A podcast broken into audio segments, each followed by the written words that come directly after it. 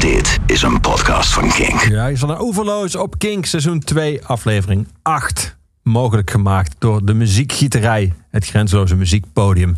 En mijn gast vandaag is journalist en ook schrijver Juriaan van Eerten. Juriaan, welkom in Oeverloos. We gaan het hebben over, en naar aanleiding van eh, jouw zojuist verschenen roman Buiten Beeld.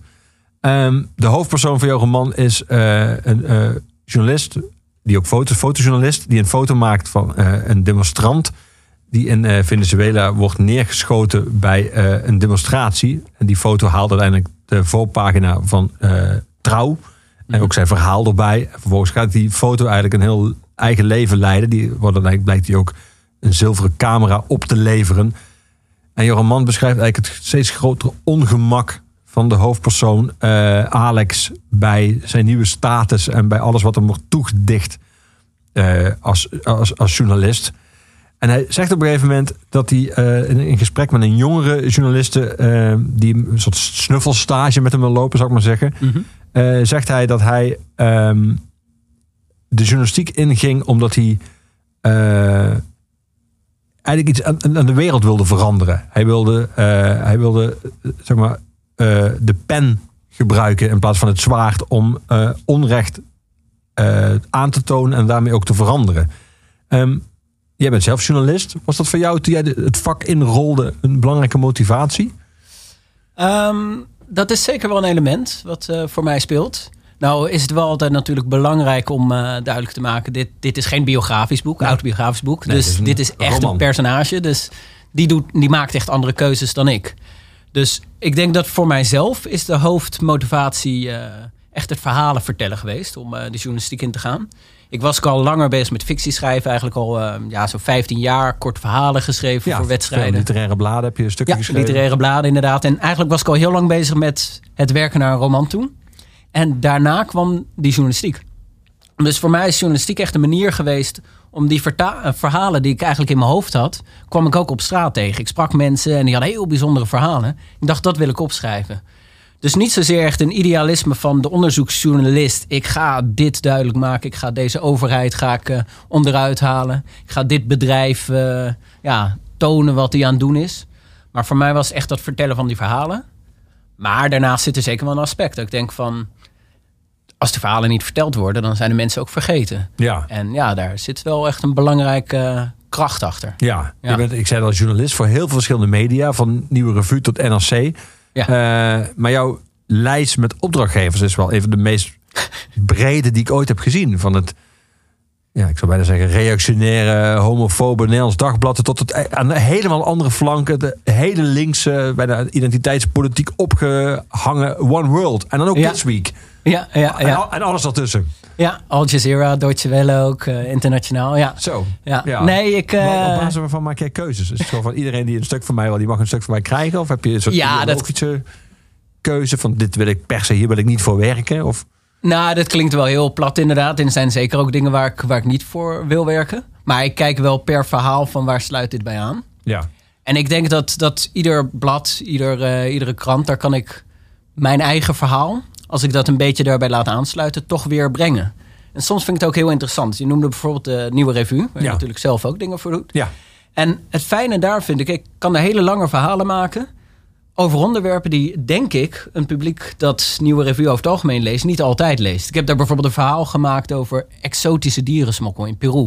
En dan kan ik daar echt 3000 woorden over uitpakken en best wel diepgaand gaan voor een onderwerp waar ik eigenlijk niet aan het preken voor eigen parochie ben. Ik kan dat wel vertellen aan de Groene Amsterdammer lezen, maar die weet dat misschien al. Terwijl een Nieuwe Revue lezen dat niet direct hoeft te weten. ja. Dus ik vind het eigenlijk wel heel leuk om heel breed alle kanten van de samenleving aan te spreken op die manier. ja. Een van jouw laatste verhalen voor een nieuwe revue was een eh, tamelijk hilarisch verhaal, vond ik, eh, over Area, Area 51. Ja, Daar dreigden op een gegeven moment miljoenen mensen, althans dat was het idee, een, een soort oproep daartoe op social media, dreigde Area 51 te bestormen. ja, Eh, En is dat hele idee, het ligt in de woestijn van Nevada, dat daar de resten van eh, Roswell liggen verstopt. En dat er al- eigenlijk alles wat eh, het Amerikaanse leger geheim wil houden, ligt daar op Area ja, 51. ja, ja. Ehm,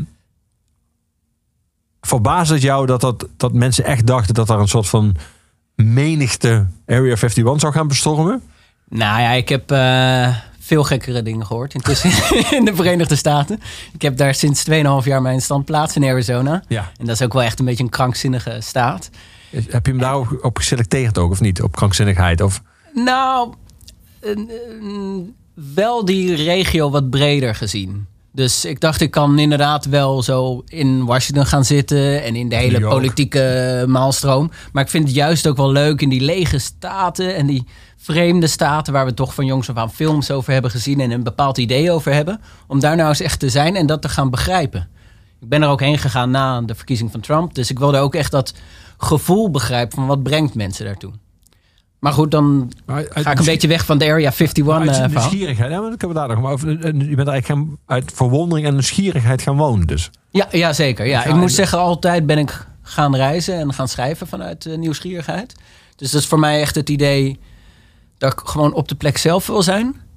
En eigenlijk, hoe, hoe bizar een situatie ook is, wil begrijpen wat brengt mensen daar naartoe. Want het is heel makkelijk natuurlijk om iemand af te doen als gek. Die bijvoorbeeld in ufo's gelooft. Ja. Maar je kan ook denken van hé, hey, er, er is in de VS is een enorme groep mensen die daar echt, echt hardnekkig in gelooft. En dan zijn UFO's zijn eigenlijk maar een metafoor voor het niet vertrouwen van de regering en het niet vertrouwen van het verhaal dat ons verteld wordt. De angst dat wij meegetrokken worden in een systeem waarin je eigenlijk vastgezet wordt. Terwijl je daar zelf dus helemaal geen vrije, ja, vrijheid meer in hebt. En daar staat dat veel meer voor. Als je met die lui praat, dat zijn natuurlijk ook de mensen die zeggen: Washington is eigenlijk een soort van oppressive government. En die, die, hè, die komt in onze staten aan en die vertelt ons wat we moeten doen. En dat is eigenlijk het verhaal wat daarachter zit. Ja. Als je met die mensen spreekt. En dat vind ik dan het boeiende. Als je dus daar echt naartoe gaat en hen vraagt van wat brengt jou nou hiertoe? En dat was ook leuk in dat verhaal voor eh Review over Area 51. Omdat ik eigenlijk daar dus de ruimte heb kunnen nemen. Om dus van misschien het gekke verhaal. Oh, er zijn wezentjes uit de ruimte en die zijn hier neergestort. Verder te gaan tot eigenlijk een verhaal waar het ging over een conflict tussen het rurale en het urbane in de VS. Ja. Je ziet dat die lui die daar in Nevada in die woestijn wonen. Want er is natuurlijk een dorpje naast Area 51. En daar ben ik naartoe gegaan. En dat zijn gewoon echt van die rurale Amerikanen. Met een geweer in de woestijn en lekker schieten op blikjes. Hebben ze mij ook mee meegenomen. Midden in de nacht stom dronken wij blikjes van een, eh, van een boomstam afschieten. Heel bijzonder. En er komen ook die verhalen tevoorschijn van die mensen. Maar die wonen daar gewoon en die zien dus af en toe een soort, soort horde nerds langstrekken die op zoek zijn naar een ufo. Constant. Ja, ja, nee, zeker. En daar verdienen ze goed geld aan natuurlijk. Dus ja, dat, dat is ook weer een aspect dat meespeelt. Dus Ja. het was, dat is eigenlijk meer een verhaal. En aan ieder verhaal, denk ik, kan je, kan je weer zoveel ophangen. En ja, deze, deze lui, die, die zitten daar eigenlijk in trailers midden in de woestijn. En dat is zo'n typisch Amerikaans verhaal. Dat je dus midden in, in het niets mensen hebt die daar ook op een stukje, stukje land wonen. Dat je denkt, waarom ben je hier? Waarom blijf je hier? En die zitten daar dan echt vanuit dat gevoel van hier ben ik vrij. Hier ben ik weg van alles. En ja, dat kennen wij natuurlijk niet hier in Nederland. En die, die vrijheid zit die dan in gewoon zeg maar heel fysiek, gewoon in ruimte. Dat er gewoon heel ver om jou heen niets is. Eh, en ook eh, misschien in de zin van ruimte, dat je ver weg bent van de plekken waar het volgens anderen allemaal gebeurt. Van New York en LA en Washington. Is dat, is dat, is ja, dat die ik, vrijheid? Ik, nou, ik denk zeker de ruimtelijke vrijheid. Maar ik denk ook de mentale vrijheid in de zin van het ontbreken van eh, regels. Ja, Als je met Arizonans spreekt, heel veel zijn bijvoorbeeld verhuisd vanuit California. Dat is echt iets dat gaande is in de afgelopen eh, pakweg 15 jaar. Is dat echt een heel actieve stroom, omdat California zo ontzettend duur, maar ook ontzettend gereguleerd aan het worden is. Zie je dat heel veel mensen die kant uitkomen. Ik heb ook vrienden die inderdaad van San Francisco zijn gekomen, die wonen nu in Tucson. Dus je ziet die beweging. En als je hen dan spreekt, dan zeggen ze: ja, daar in Californië heb je zoveel mensen op elkaar, er is zoveel gaande dat er automatisch ook heel veel regels moeten ontstaan. Anders ontspoort natuurlijk die maatschappij. Is ontspoort, maar dan ontspoort die nog meer. Wat wij natuurlijk hier in Nederland ook kennen. Je kan eigenlijk bijna niks meer doen of je komt een regel tegen. Dus die vrijheid die zij daar dan vinden in zo'n Arizona in de woestijn... is gewoon het ontbreken van die regels. En Ja. echt het ontbreken van die overheid. het is bijna een soort, in hun perceptie, een soort vrijstaat bijna. Ja, dat, is- ja, Of, dat is het is... eigenlijk, of is het eigenlijk Amerika zoals zij het vinden dat Amerika bedoeld was? Ja, ja. ja, Amerika aan zich is natuurlijk bedoeld als vrijstaat. Ja. En ja, echt het land van de mensen. En dat zit echt heel diep bij mensen. Ja. Dat merk je echt. Ze ben, zijn de hele tijd, noemen ze die vrijheid, dat patriotisme, dat gevoel van wij zijn weggegaan van de onderdrukking in Europa. aantal generaties en soms maar echt enkele generaties terug naar de vrijheid in Amerika. Daar kan je natuurlijk ook wel weer je vraagtekens bij zetten. Bijvoorbeeld, wat is vrijheid? Dat is echt zo'n heel algemene term. Maar ja, jouw vrijheid beperkt natuurlijk weer de vrijheid van een ander. Dus ja, dus, dus dat, die kan je ook weer manipuleren, die term. Zie je ook dat politici dat heel sterk doen in de VS. Maar in principe zit dat wel in dat verhaal van de Verenigde Staten verankerd, ja. Ja. Ja, We gaan muziek draaien. Muziek die jij hebt uitgezocht. Eh, zeg je Chicha? Chicha. Chicha. Ja. ja. Ik kende ze niet. Kun je eens iets vertellen over deze band? Van het album Bloodline uit 2016 gaan we daar een nummer draaien. Maar wat is dit voor een band? Ja, deze jongens heb ik leren kennen in Tucson. Eigenlijk op de eerste avond toevallig dat ik daar was. Nou Toen eh, kwam ik aan in een Airbnb en eh, de jongen die nam me mee eh, de kroeg in. En ik raak aan de praat met een paar mensen en die speelden dus in deze band. Zij toeren ook in Europa. de eerste Zij- mensen die daar gewoon ja, hebben letterlijk de eerste mensen die ik heb gesproken. ja. En eh, nu nog, drink af en toe een biertje met ze, komt ze wel eens tegen. En eh, ze hebben hier in Nederland ook wel eens gespeeld, ik geloof Lowlands of eh, ja, een van de festivals. En het leuke waarom ik dit heb meegenomen, er kwam heel veel samen voor mij. Ik heb voor Amerika heb ik een tijd ben ik veel in Peru geweest. Ja, ik heb drie jaar verslag jaar. gedaan vanuit Latijns-Amerika. En in Peru heb je een drankje en dat heet chicha. Dat, Wat, wat is dat voor een drankje? nou, dat is de gefermenteerde versie. Is een drankje waar van origine in gespuugd wordt. Om dat fermentatieproces eh, op gang te krijgen. En dan krijg je, ja, het is een soort van maïsdrank. dus dat fermenteert. En dat krijg je dan als je in de bergen bij de inheemse mensen bent. Krijg je daar een glaasje van. is lekker ingespuugd. Maar het is ook echt wel een soort van kameraadschap dat ze je dat geven. En dat gaat echt terug tot de Inca-tijd. En je hebt er eh, ja, allemaal variaties. Je hebt chicha morada en dat is zonder alcohol. Van een soort paarse mais eh, gemaakt. Dus dat is een Peruaans drankje. Die hebben zij eh, natuurlijk een bandje naar vernoemd.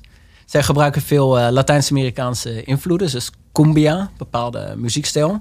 En die vermengen zij met meer de Anglo-Saxische rock. Dus wat zij maken, zegt ze, psyche- psychedelische cumbia. Is een beetje wat Pink Floyd doen, maar dan met Latijns-Amerikaanse invloeden. Dus ik vond dit typisch voor de regio waar ik zit. Die grens tussen Latijns-Amerika en de VS. Ja, want waar jij woont is ongeveer 35% van de bevolking is Latino. Ja, Ja. ja, klopt. Tegenover, ik geloof iets van 17 of 15 procent overal in de VS. Ja. En die regio, dat zuiden van Arizona, dat is natuurlijk ook pas later bij de VS gekomen. Is aangekocht in 1854 of 53, 54 in werk getreden met de Gadsden Purchase. Dus je ziet dat er families zijn. Als ik mensen als bijvoorbeeld een Lopez spreek, dan zijn dat families die nog teruggaan naar de tijd dat dat Mexico was. En dat is op een gegeven moment Amerika geworden. Dus het is ook, het is daar eh, deels Hispanic.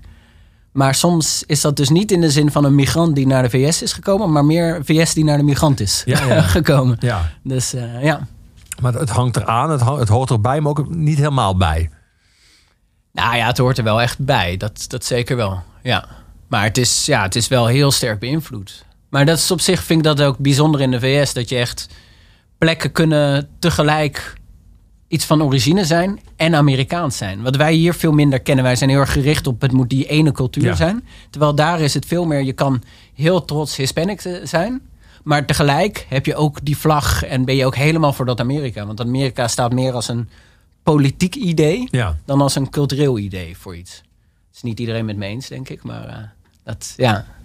We gaan luisteren naar die eh, vrienden van jou. Die, eh, die eerste avond, dat is wel echt heel bijzonder. Dat je meteen de bar in gaat en meteen een band tegenkomt... die vervolgens ook nog muziek maakt die je goed blijkt te vinden.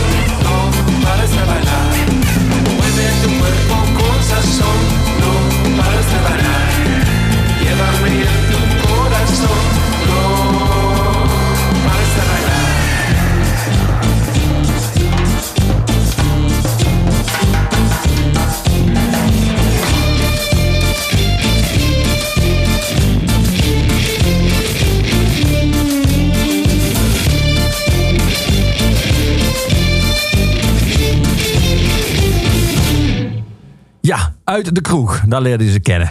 Uh, een keuze van, uh, van mijn gast vandaag.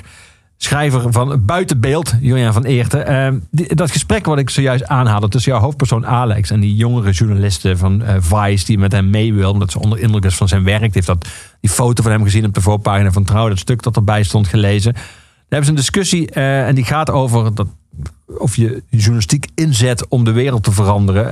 en dan hebben ze een discussie over. En dan zegt hij op een gegeven moment: de uh, wereldgeschiedenis heeft een eigen ritme. Dat kun je eentje niet zomaar veranderen. Dat is groter dan jijzelf. Waarop zij zegt: het gaat er om de poging. En dan gaat hij uitleggen: het is een grote machine. En dan kijk naar Venezuela, daar heeft hij dan net over geschreven. En dan legt hij uit van dat het allemaal heel moeilijk is om aan de hand van één of twee stukken daar grote veranderingen tot weeg te brengen.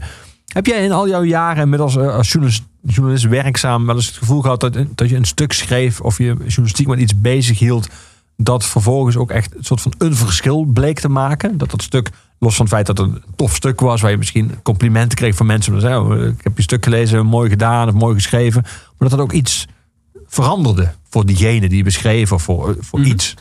Ja, ja, nee, ik heb zeker wel eh, een aantal voorbeelden. Het eerste wat me te binnen schiet is eigenlijk in uh, Nogales. Dat is een uh, Mexicaans dorpje, net over de grens van Arizona. Dat, je hebt ook een Nogales, Arizona en Nogales, Mexico.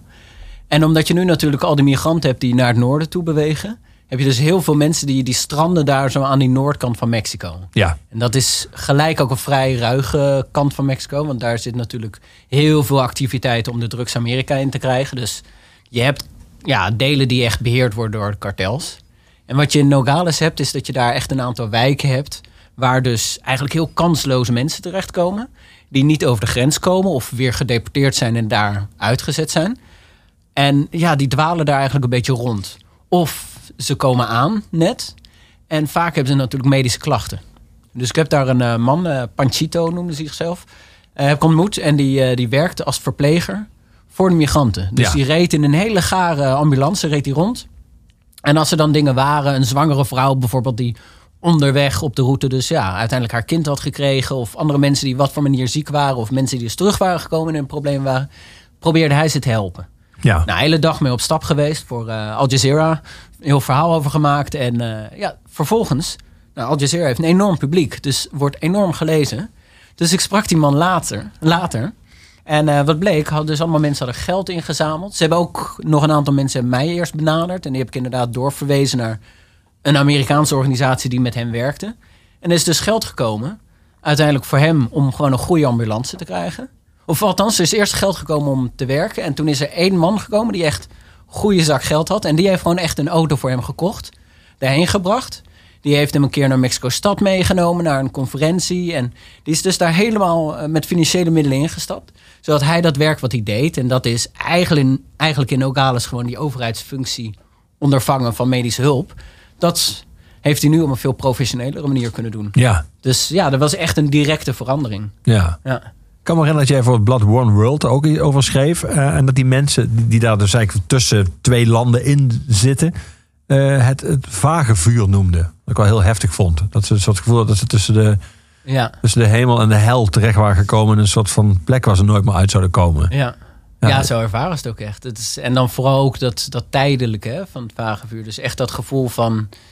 ik ben nu in een tijdelijk ontzettend benarde situatie...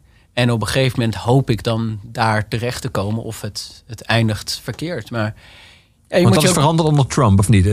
Nee, nee, nee. Dat is, dat is in principe niets nieuws. Het is natuurlijk wel geïntensiveerd onder Trump. Maar in principe, Obama deporteerde natuurlijk ook al bij het leven mensen. Nou is natuurlijk wel meer het beleid onder Trump is om echt die actieve ontmoediging in te zetten. Dus dat scheiden van families is ook onder Obama gebeurd, maar er was geen bewust beleid. Terwijl dat onder Trump is echt bewust ingezet als, als angstmiddel natuurlijk. Maar dat, dat is iets wat al heel lang speelt.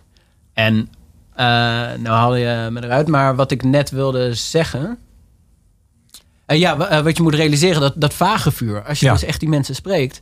Kijk, heel veel die zitten echt die zitten in een gebied wat zij misschien helemaal niet kennen. Ze komen uit Guatemala, een dorpje, of uh, Honduras, uh, El Salvador. Ze zijn vaak gevlucht voor enorm geweld daar. Ja.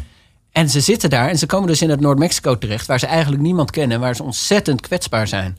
Dus wat je dan ook vaak merkt, is dat mensen inderdaad bedreigd worden, gebruikt worden om klusjes te doen voor de maffia. En als ze dat niet doen, ja, dan worden ze dus ook echt uh, vermoord. En dat hoor je dus ook constant. Dus daar, vandaar ook die ervaringen van mensen. Dat ze echt dat voelen van... Ik sta zo onder druk dat het, dat het voelt als een vagevuur. Ja, Ja. dat bendegeweld eh in Latijns-Amerikaanse landen, eh, waardoor mensen ook op de vlucht slaan. Dat, dat komt ook terug in, jouw eh, in jouw roman. Die schrijft op een gegeven moment, dan gaat het dus over Alex, de hoofdpersoon. Als hij net echt terugkomt van die demonstratie, waar hij die foto heeft gemaakt, waar hij vervolgens prijzen voor wint en heel veel roem en faam voor krijgt. Vanaf het eerste moment dat hij in Latijns-Amerika was, maakte hij, zo, maakte hij zich al zorgen over de vuurwapens. Het continent is doordrenkt van bloed en geweld. Vanaf de eerste Spanjaarden die de inheemse bevolking onderdrukte, tot de burgeroorlogen van de jaren 80 en 90. En daarna veranderde het bendegeweld delen van de Latijns-Amerikaanse steden in een levende hel. Nou, je zei het net al even, je bent dat drie jaar zelf als correspondent eh, werkzaam geweest en ook woonachtig geweest. Ja. Ehm, heeft dat, een enorme, heeft dat zo'n enorme invloed op het dagelijks leven in die steden? Dat ook als je zeg maar, helemaal in andere wijken woont of helemaal niet zelf, al dan niet via anderen met bendes te maken hebt, dat het toch in je leven ingrijpt? Ja, ja dat, dat zie ik wel zo, ja. Nou is Latijns-Amerika natuurlijk heel groot. Ja, Maar eh, dus het verschilt een beetje per land. Maar je hebt wel landen waar het echt enorm aanwezig is. En landen waar het minder aanwezig is. Maar om te beginnen is het al zo dat van de 20 meest gewelddadige steden... zijn er 17 in Latijns-Amerika. Dus de 20 wereldwijd. Dus dat geeft al een beetje aan hoe aanwezig dat geweld is. ja. En eh, ik ben dan bijvoorbeeld heel veel in Peru geweest. Daar heb je natuurlijk wijken als Miraflores, Barranco. En nou, Barranco had ik op een gegeven moment een huisje gehuurd. En ja, dat is relatief veilig, omdat dat gewoon de wat rijkere beschermde wijken zijn. Maar dat zegt nog niks. Ik had daar een, mijn Peruaanse buurman. De beschermde zijn het dan een soort van gated communities? Die met Ja, gated communities, dan bewakers voor de deur. Het is eh, op straat relatief veiliger.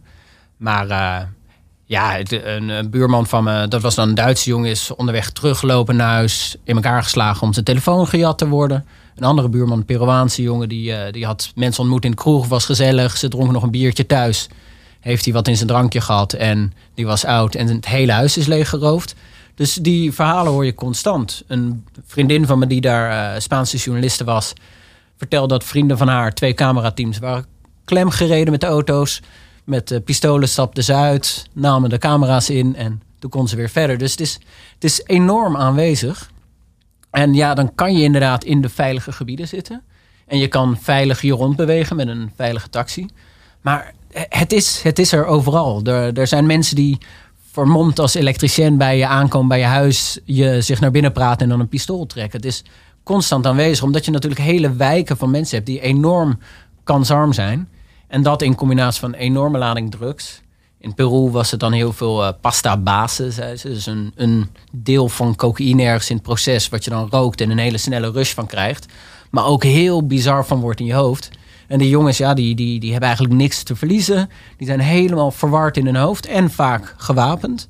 Ja, dat is natuurlijk een eh, gevaarlijke combinatie. Ja. Ja. Je gaf in het begin al aan dat jij in eh, dat deel van Arizona bent gaan wonen. Juist omdat je er niet zoveel van begreep. eh, en dat je ook na- de verkiezing van Trump. Ehm, had jij toen je in Latijns-Amerika eh, als journalist werkte ook een soort idee voor jezelf van iets dat je wilde begrijpen? Of waar je vragen over had? Of waar je hoopte achter te komen? Minder in die zin. Ik ben heel bewust wel in de hoek van Peru gaan zitten, omdat, omdat ik merkte van daar wordt heel weinig over verteld.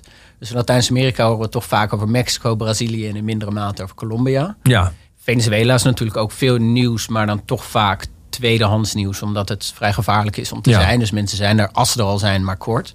Peru Dus- kennen wij nog. Het was voor mij het meeste nieuws in de tijd van Lichtend Pad en zo. Ja, ja. zeker. Ja. Ja, maar ze zijn in die zin heel interessant, want zij hebben echt eh, zij hebben de guerrilla-groep overwonnen. Het Ja. ja. pad. Ze hebben de oorlog gewonnen. Als je dat vergelijkt bijvoorbeeld met Colombia, daar is de oorlog nooit gewonnen. En er zijn ook andere plekken in Latijns-Amerika waar het meer op een deal is gekomen dan echt. Peru hebben ze echt een bepaald gevoel van ja, wij hebben hen verslagen en we, we zijn verder gegaan. Maar tegelijk is het land nog zo ontregeld als wat. Want alle presidenten tot 30 jaar terug hebben of een aanklacht of zitten in de bak of hebben dat voorkomen door zichzelf van het leven te beroven. Dus dat, dat is natuurlijk een enorme rommel. Maar eh, voor mij was meer Latijns-Amerika dat het gebied me trok omdat het natuurlijk een heel bijzonder gebied is, wat een naam heeft van nou ja, de verhalen van Garcia Marquez, het magisch realisme, het, echt het magische continent. Het continent van, nou ja, van de cumbia, van de, van Ja. de dans. Dus ik had een bepaald beeld daarbij. En wat mij ook heel erg trok was... Een romantisch beeld, zou je dat kunnen zeggen? Nou, ik denk dat het wel te romantisch was, ja. dat zeker. Ja. ja, dat ben ik wel achtergekomen. Maar uh, waarmee ik niet wil zeggen dat het een tegenvaller was. Ik heb het continent anders leren kennen en ik vind het fantastisch. Ik zie me er ook weer in de toekomst naar teruggaan. Ik heb echt uh, ja, daar hele mooie dingen meegemaakt en hele mooie mensen ontmoet. En de openheid van de cultuur is prachtig. Maar het is natuurlijk niet dat iedereen op straat salsa staat te dansen. en dat het leven en nog feest is. Wat je soms een beetje meekrijgt in het geromantiseerde beeld. Dus ja, dat. Maar dat trok mij daar wel in. En wat mij ook heel erg trok, is dat je daar heel duidelijk die tegenstelling hebt. Tussen echt het oud-koloniale. Wat natuurlijk, ja, die postkoloniale structuren die je daardoor nog hebt. Zoals als je kijkt naar Peru, zie je dat je in Lima heb je natuurlijk echt nog die oude Spaanse families of gemengde families, maar die echt nog van dat oude geld afkomstig zijn. En die zitten dus inderdaad in de gated communities, in die rijkdom. En dan heb je daaromheen heb je een enorme ja, aantallen migranten. Alleen dan binnenlandse migranten, want die komen uit de bergen en dat zijn de inheemse groepen. Die dus weggevlucht zijn voor armoede of eerder voor het lichtend pad, voor het geweld. En die zijn terechtgekomen eigenlijk in die ja, banlieues zouden wij in Parijs zeggen. Of zou je in Parijs zeggen. Ja. Maar in die buitenwijken van dat Lima. En dat is natuurlijk allemaal heel inheems. En die inheemse cultuur is ook heel sterk. Dus dat dat, dat zo leeft, die contrasten. En dat dat eigenlijk zelfs nog veel verder gaat. Want op het moment dat je echt diep de jungle in gaat, heb je nog stammen waar je, waar je niet eens contact mee mag hebben. Dat zijn de mensen die echt hebben besloten, wij willen weg van het moderne bestaan. Dus daardoor heb je binnen één land heb je, heb je echt de mensen die nog als jager-verzamelaar in de jungle zitten. Tot de mensen in Lima die daar ja, chique restaurants runnen. Ja. Nummer vijf en zes van de wereld van de restaurants zijn in Lima. Dus een ontzettend rijke, moderne eh, samenleving is daar ook. Dus dat, en ik wist wel dat dat speelde in Latijns-Amerika vooraf. Dus dat trok me er wel heel erg in. Ja. Dat, eh, ja. Heb je uiteindelijk na jouw jaren daar eh, beter begrepen wat de aantrekkingskracht is voor jonge mensen, vooral mannen eh, van bendes? Ja, wel vrij complexe materie om, om makkelijk een uitspraak over te doen. Ik denk ook dat aantrekkingskracht niet zozeer het goede woord is. Uh, het is voor sommigen is het gewoon een onontkoombaarheid. Dat zij, ja, als je in een bepaalde wijk opgroeit, dan, dan zijn dat gewoon de mensen die uh, de boel beheren. Dat is eigenlijk jouw, dat is de verzor je verzorgingsstaat. in Ja, eigenlijk zin. wel. Dat is gewoon de overheid daar. Die hebben ook het geweldsmonopolie in handen. Zoals wij dat hier, hè, de politie dat heeft. Heb je gewoon wijken. Ik ben in El Salvador geweest, twee weken om uh, verslag te doen. Dan heb je dus een aantal wijken. Uh, Soyapango, uh, Mexicanos. Het zijn wijken dat, die, die zijn gewoon beheerd eigenlijk door de bendes. Beetje afhankelijk per jaar hoe je kijkt. En uh, soms wordt daar harder tegenop uh, getreden, soms minder hard. Maar in principe zie je dus dat op het moment dat jij daarin opgroeit... En ja, de jongens waarmee je dan voetbalt, ja, dat, dat zijn dus gewoon bendeleden. En die gaan op een gegeven moment dus ook dingen van jou verwachten. Maar dat is ook logisch, je, je bent daar dan ook helemaal mee verweven. Want dat is, dat is niet zomaar een anoniem bendelid. Dat is die jongen die verkering heeft met jouw zus bijvoorbeeld. En die vraagt jou een keer om wat te doen. En ja, van het een komt natuurlijk het andere. Dus het is niet zozeer een aantrekkingskracht. Het is, het is echt een onvermijdelijkheid. Plus dat zij natuurlijk wel heel een agressieve manier gebruiken... om ja, mensen in hun geweld mee te trekken. En ja, dat, dat is soms natuurlijk in de combinatie van de belofte van geld... maar vaak ook in combinatie met gewoon het dreigement... hier is een pistool en ik schiet je gewoon dood op het moment dat je het niet doet. Ja. Dus, maar daarnaast heb je natuurlijk ook mensen die, die zich direct aangetrokken voelen tot die wereld. Maar ja, die hebben wij hier in Nederland natuurlijk ook. ja. En ja, in Nederland is het natuurlijk ook helemaal de afgelopen jaren. Ja, zie je natuurlijk diezelfde structuren ontstaan. Waar, waar je mensen met ontzettend veel geld hebt. Die is toch een soort van. eh, een vorm van eh, geïdoliseerd worden door jonge mensen. Jonge mensen uit wat kansarme wijken. Die vervolgens ja, daar de mogelijkheid krijgen om daarin terecht te komen. En op het moment dat je daar een beetje instapt, dan is het al heel moeilijk om daar weg te komen. ja. Dus, Misschien ja. gebruik ik daarom ook wel het woord aantrekkingskracht. En misschien is het ook wel voor een deel, is dat woord eh, eh, voor mij voortgekomen uit het feit dat ik, die niet in Latijns-Amerika woon of heeft gewoond, natuurlijk een deel eh, van een, van een beeld van bijvoorbeeld bendegeweld ontleent aan series. Ja. Zo'n serie als Narcos bijvoorbeeld. Ja. Eh, er zijn natuurlijk heel veel series waar het over bende en drugsgerelateerde eh, geweld gaat. Er zit ook wel altijd zo'n zo'n soort heroïsch element in. Eh, ja. Heeft dat, denk je, veel, heeft dat, heeft dat kwaad gedaan? Of heeft dat een soort van ons beeld al dan niet verkeerd bijgesteld van Latijns-Amerika de afgelopen jaren? Sommige van die series zijn ontzettend populair. Ja, oh, zeker. Maar ja, sommige zijn ook wel. Kijk, Narcos bijvoorbeeld is wel een wat eh, geromantiseerd verhaal. Maar in principe eh, ja, vertellen ze wel echt de historie zoals die gebeurd is. En eh, ja, Escobar werd natuurlijk ook wel gezien als een belangrijk persoon in Ja. Medellin. En ik weet daar niet genoeg vanaf om er heel erg in de diepte te gaan. Maar wat ik ervan begrepen heb, is dat mensen hem toch echt wel zien als een weldoener. Of veel mensen hem zo zien. En dat hij dus eigenlijk in die zin wel die rol van verzorging staat. Wat je eerder Ja. zei. In die zin op zich heeft genomen. Omdat hij gewoon veel armoede zag. En hij kreeg dat geld. Dat is eigenlijk een beetje een Robin Hood verhaal. ja, Waar hij dat hij geld deelt het uit. Ja. Ja, en deelt het uit aan hen. Dus ja, ja het is sowieso wel een beetje de vraag: wat is de invloed van, van fictie op de werkelijkheid? Dat zie je natuurlijk ook nu met die eh, schietpartijen. En natuurlijk laatst eh, met die film The Joker. Dan komt er toch die discussie van: ja, we zien eh, gewelddadige films. En ik vond The Joker een hele goede film. En ik vind het een heel interessant psychologisch eh, portret eigenlijk van hoe komt iemand die, die zo'n verwarde eenling is tot het, tot het doden van mensen. Ja. En ik denk dat dat heel relevant is, want dat gebeurt. En ik hoor het natuurlijk in de Verenigde Staten ook heel veel om me heen. Dus ik vind het heel belangrijk om dat te gaan begrijpen. Je kan zeggen dat we, we negeren dat en we gaan daar niks mee doen. We zwijgen dood, maar het zal gebeuren. Alleen ja, je ziet natuurlijk wel dat op het moment dat er zo'n film uitkomt... of als er een shooting is geweest... zie je bijvoorbeeld in de VS weer zo'n zo'n stem opkomen... van ja, dat komt door de gewelddadige computerspelletjes... gewelddadige Ja. films en romantisering van geweld. En ja, eh, het, is, het, is, het zal vast meespelen...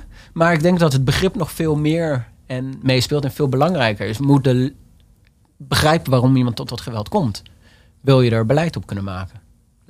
We gaan muziek draaien. We gaan een knipoog geven, een muzikale knipoog aan jouw eh, nieuwe stad sinds een paar jaar. Hier is eh Tucson Train van Bruce Springsteen.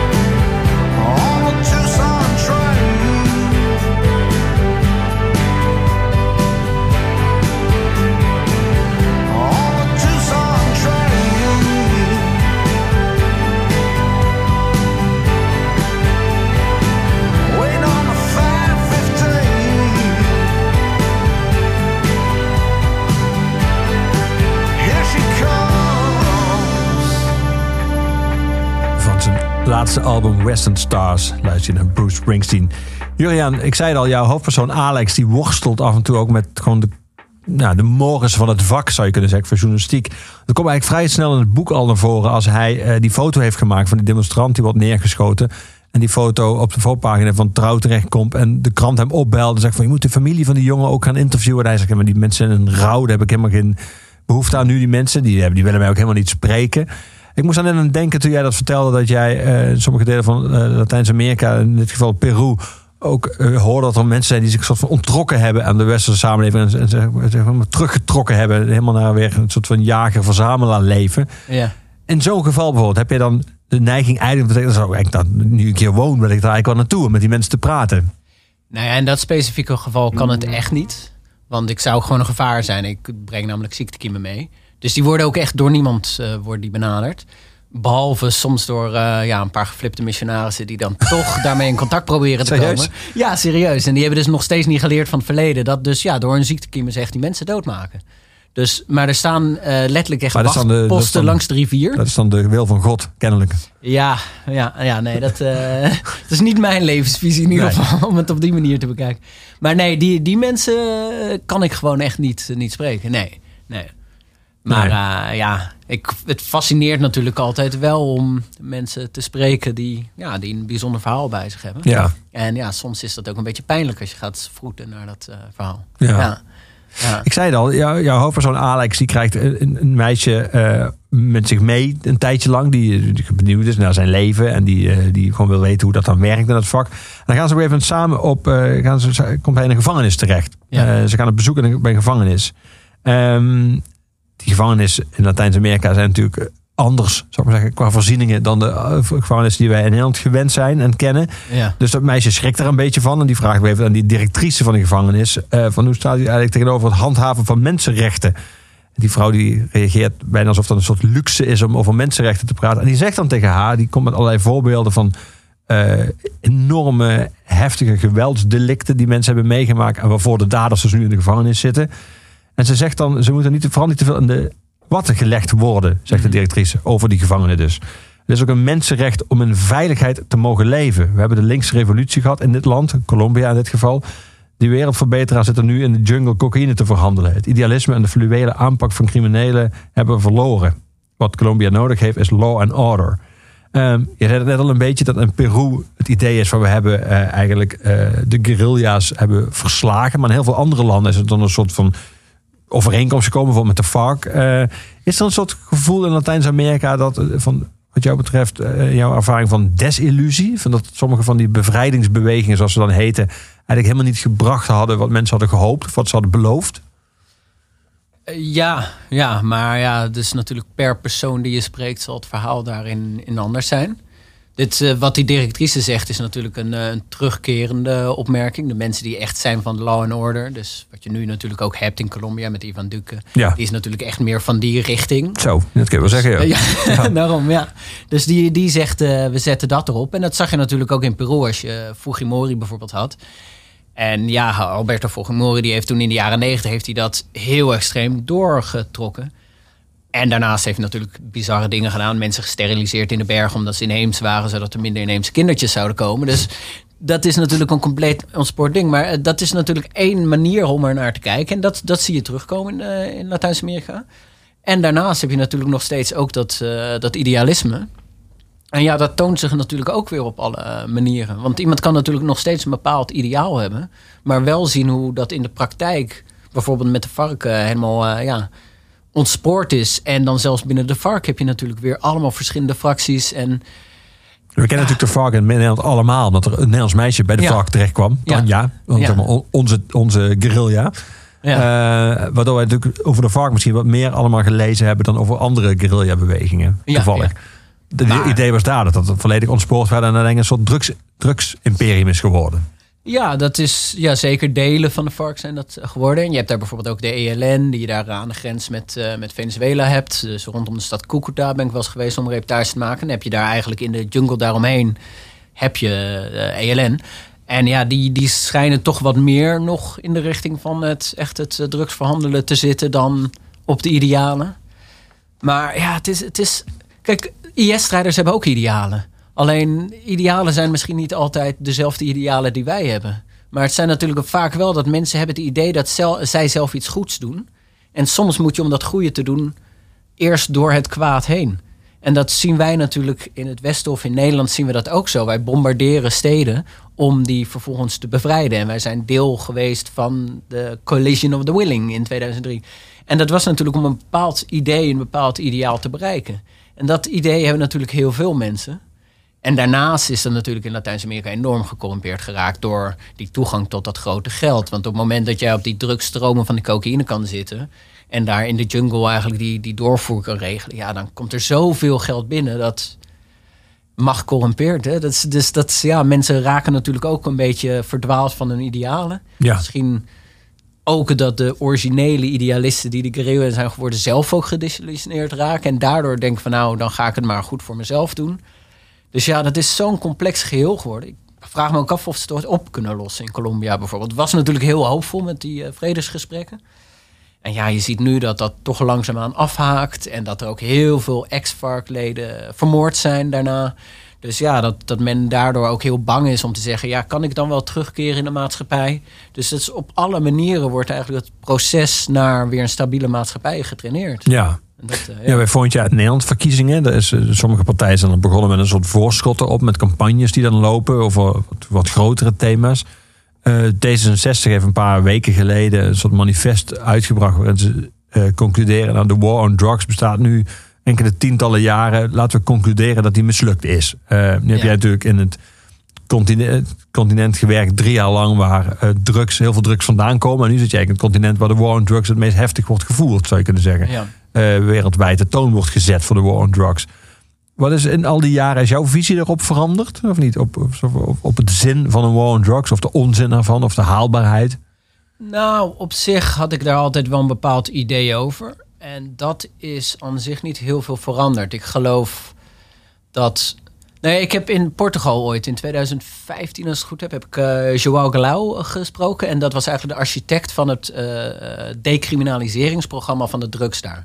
En dat kwam omdat ze in de jaren 90, was ongeveer 1% van de bevolking aan de heroïne. Hadden een enorme crisis daarmee. En toen zijn ze bij elkaar gaan zitten met een aantal mensen, mensen vanuit de overheid, eh, mensen vanuit de zorg. En hebben ze gezegd, hoe kunnen we dit nou aanpakken dat het probleem in banen leiden? En die hebben dat eigenlijk heel pragmatisch hebben die het aangepakt. Die zeggen, ja, we kunnen wel overvolle gevangenissen hebben, maar laten we nou juridisch inzetten om echt de kopstukken te pakken. En laten we nou de gebruiker vervolgens opsplitsen in recreationeel gebruiker en probleemgebruiker. Dus op het moment dat ze iemand tegenkwamen op straat en die was een recreationeel gebruiker, dan was het eigenlijk, kreeg hij een soort van waarschuwing of iets Een dergelijks. soort van gedoogd. Ja. Ja. En de probleemgebruiker die kreeg vervolgens een aanbod om een therapieprogramma in te gaan en echt hulp te krijgen. Want vaak is natuurlijk die drugsverslaving of wat voor verslaving ook, is een uiting van iets wat veel dieper ligt. En op het moment dat je die problematiek kan wegnemen, dan neem je natuurlijk ook dat, eh, die reden om die drugs te gebruiken weg. Dat is enorm succesvol geweest. Want daarmee is niet zozeer er geen verslaving meer in, eh, Portugal. Maar wat er wel gebeurde was dat daarna eigenlijk dat niveau terugkwam tot het niveau van heel Europa.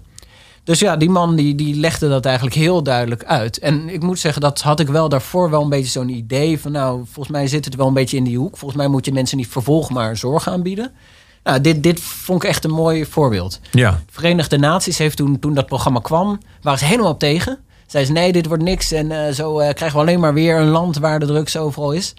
En nu gebruiken ze het als voorbeeld bij presentaties. Dus toen ik die man sprak, was het echt net een paar weken daarvoor, was hij in Zwitserland geweest, Genève en dan, nou, voorbeeld van de VN. Kijk, Portugal, case study. Dus ja, dat was ook interessant om te zien hoe, dus op het moment dat je dat in de praktijk neerzet, hoe dat zich uitwerkt.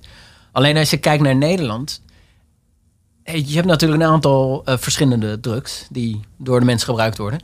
Sommige produceren wij in Nederland zelf. Daar zou je eventueel kunnen nadenken van kunnen we daar een legalisatie of decriminalisatie en hoe kunnen we dat aanpakken? Dan heb je nog steeds het probleem dat het ook over de grens heen gaat. Als je dat al doet, moet je dat heel goed aanpakken. Wat volgens mij met softdrugs nooit gebeurd is, bijvoorbeeld. Maar daarnaast heb je bijvoorbeeld een druk als cocaïne. Je kan wel zeggen van ja, we gaan dat hier legaliseren, maar wij maken dat helemaal niet hier. Dus dan moet je dat ook met een land afspreken waar dus een enorme rommel is, zoals Colombia, waar je die burgeroorlog hebt, moet je zorgen dat daar legaal cocaïne gekweekt wordt. Nou ja, dan kom je waarschijnlijk in een situatie dat je datzelfde achterdeurprobleem hebt van de coffeeshops. Ja. Waar we doen alsof de marihuana zomaar ontspruit. maar ja, dat gebeurt natuurlijk niet. En zo hebben we natuurlijk mensen als Ridwan eh, T. eh, hebben groot gemaakt. En datzelfde ga je dan krijgen. Maar dan is het achterdeur is Colombia. En een gebied waar die drugs zo'n impact hebben. Ik bedoel, ik heb daar mensen geïnterviewd. Die bijvoorbeeld in een dorpje daar, eh, daar vlakbij de grens met Venezuela. Ik heb vluchtelingen geïnterviewd die eerst naar Venezuela waren gevlucht. En toen terug zat daar in een kamp. Er was een, eh, nou, een vrouw die ik op een gegeven moment sprak. En die vertelde hoe dus ja, op een gegeven moment paramilitairen naar het dorpje kwamen. En mensen begonnen uit te moorden. Omdat ze dus vonden dat het een rebellendorpje was. En die vrouw die zei, ja, het laatste wat ik heb gezien is dat ze aan het voetballen waren met kinderhoofden. En toen ben ik gaan rennen. En dat is dus, dat is het geweld waar je het over hebt. Dat natuurlijk enorm complex is. Niet direct de link alleen aan de cocaïne. Maar zit natuurlijk, hè, dat is wel de motor van dat die burgeroorlog zo lang door kan gaan. Zit daar ook heel erg in. Ja. Dus ik denk niet dat wij als Nederland dan maar moeten zeggen van nou dan importeren we dat. Ja, dan moeten zij dat daar maar regelen. En dan kunnen we dat hier verder legaliseren. Dus als je dat doet, als een D66 met zijn plan komt, dan moeten ze dat ook ondervangen. En dat is ook geloof ik het idee dat ze daarover na gaan Ja. praten. Dus ik ben benieuwd of dat eh, dan kan. Ja, ja. ja. Hoe wordt er waar jij woont nu in de Verenigde Staten over drugs gedacht? Eh, ja, het is eh, heel erg aanwezig in Arizona. Ik eh, zie letterlijk langs de snelweg zie ik billboards en daarop staat: eh, vergeet niet naloxon mee te nemen. En dan moet ik je uitleggen wat naloxon is. Dat Graag. is een tegenmiddel. Op het moment dat jij in een overdosis raakt van heroïne of van fentanyl, een soort versterkte vorm van heroïne, of van eh oxycodon-pillen, eh, dus van een opiumderivaat. Als je daar een overdosis raakt, dan met die naloxon, dan kan je die overdosis terug eh, hoe zeg je dat, omkeren. En vooral vanwege de fentanyl, wat dus echt een heel sterke vorm van heroïne is, wat nu binnenkomt vanuit Mexico en waar dus echt bij bosjes overdoses omvallen. Dat zo sterk is dat ik, ik heb daar wel eens een sheriff geïnterviewd en die zei, toen dat net kwam een aantal jaar terug, toen raakte, de agent raakte dat aan als ze in een huis kwamen waar een overdosis was en dan raakte ze zelf, begon ze in overdosis te raken. Dus dat is zo Of heftig. met fysiek contact met een Ja, handen gewoon. via de huid eh, kwam dat dan binnen. En dat is nu zo heftig aanwezig. En er gaan zoveel mensen dood aan die overdose door de fentanyl. Omdat er dus overal in wordt gestopt. Van de, van de slaappillen tot de ecstasy-pillen... tot de, de hero- heroïneachtige eh, pillen of middelen. Dat je dus billboards ziet van neem die naloxon mee. Want daarmee kan je dus die overdose een beetje omkeren. Is er nog tijd voor de ambulance te komen om dat leven te redden. Maar van wie komen die billboards uit? Vanuit overheidswegen? Ja. Of althans, dat zeg ik. Dat weet ik niet zeker. Dus kan, maar dat lijkt me. Ja. Ik zie ze in ieder geval langs de snelweg zacht staan. Ik vond dat fascinerend. Ik heb ook in de afgelopen 2,5 jaar heb ik meerdere keren naalden op straat zien liggen. En dan eh, ja, had ik bijvoorbeeld mijn huisje daar een best wel, eh, best wel nette wijk aan de ja, zuidkant van het centrum. En dan loop je daar langs een, eh, een schooltje en dan ligt er gewoon in de bosjes ligt een naald. Of we hebben ten noorden van Tucson een mooie berg waar je kan kamperen. Dus nou, daar ik wel eens heen en dan ga ik een stuk hiken. En dan heb je die kampeerplaats en dan is er zo'n kampvuurtje. En Wat wij dan zouden hebben is een verroest blikje bier dat erin ligt. Nou, daar ligt daar dan gewoon half gesmolten en een verroeste naald in. Dat is gewoon alom aanwezig, die, eh, die heroïne. Dus ja, dat is een groot probleem waar ze mee te kampen hebben.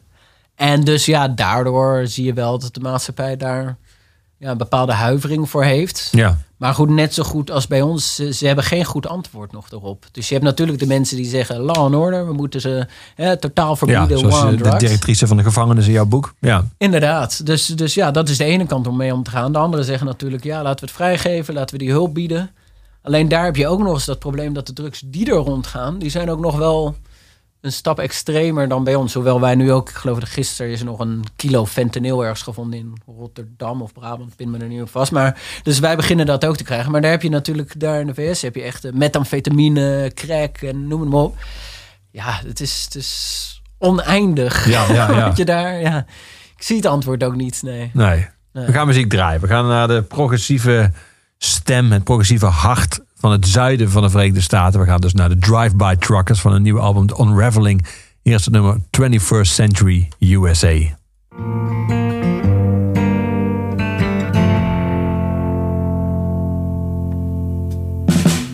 The parking lot beyond Oasis Town.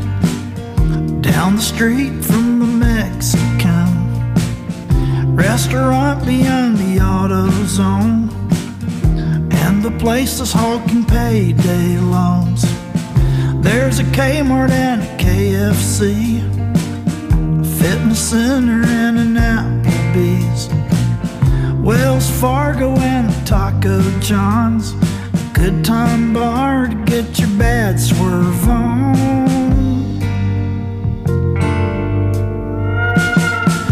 In a town that's named for razor blades, all American but Chinese made.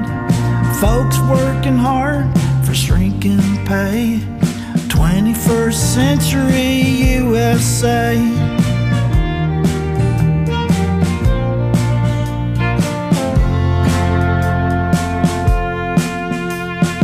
Out on 90, we might see you pass. We got coal and methane gas. We got jobs where the work is hard. Stores to max out your credit cards. In a town that ain't nowhere near. Just like every town everywhere. Folks working hard for shrinking pay.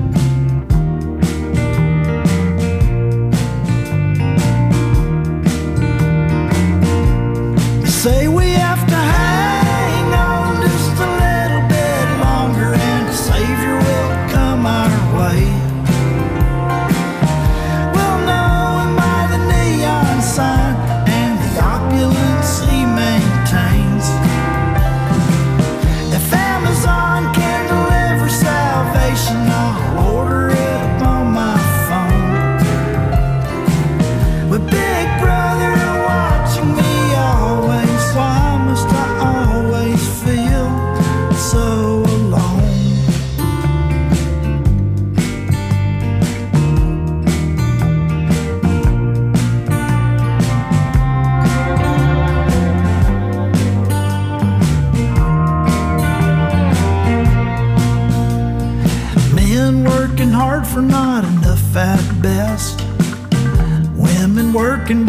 hard for less.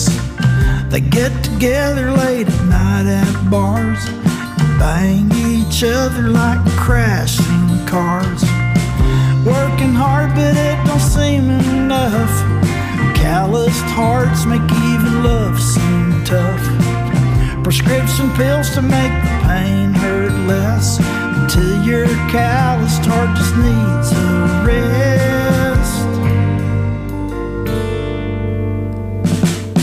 Look your children and you hope and pray they can conjure up a better day. No one remembers how it got that way.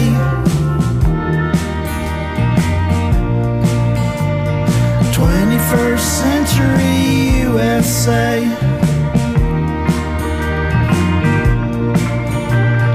Twenty-first century USA.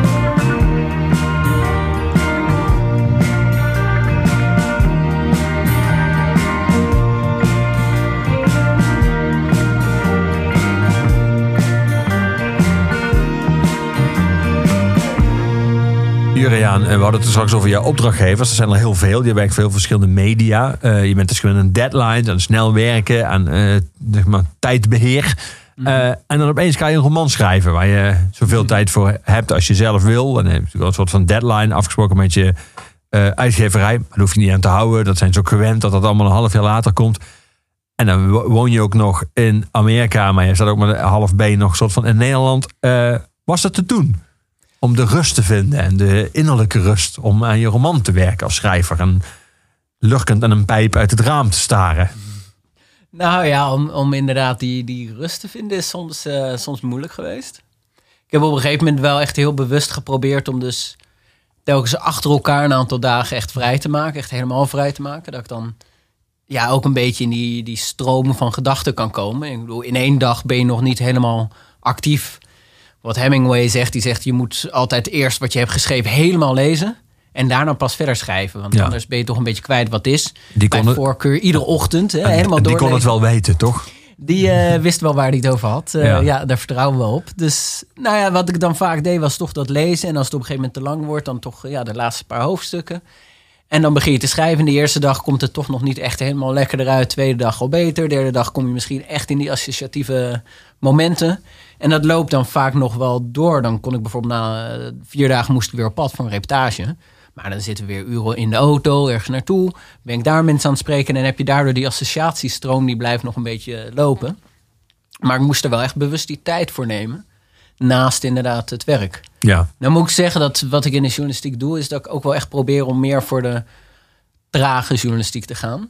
Dus echt de, de uitgebreide verhalen waar ik ergens naartoe ga, een paar dagen heb om mensen te spreken en daarna ook echt de tijd heb om het uit te werken. Is dat de reden dat je ook niet bent gaan wonen in een wat hectischere, nieuwsgerichtere eh, deel van het land, zoals bijvoorbeeld Washington of New York?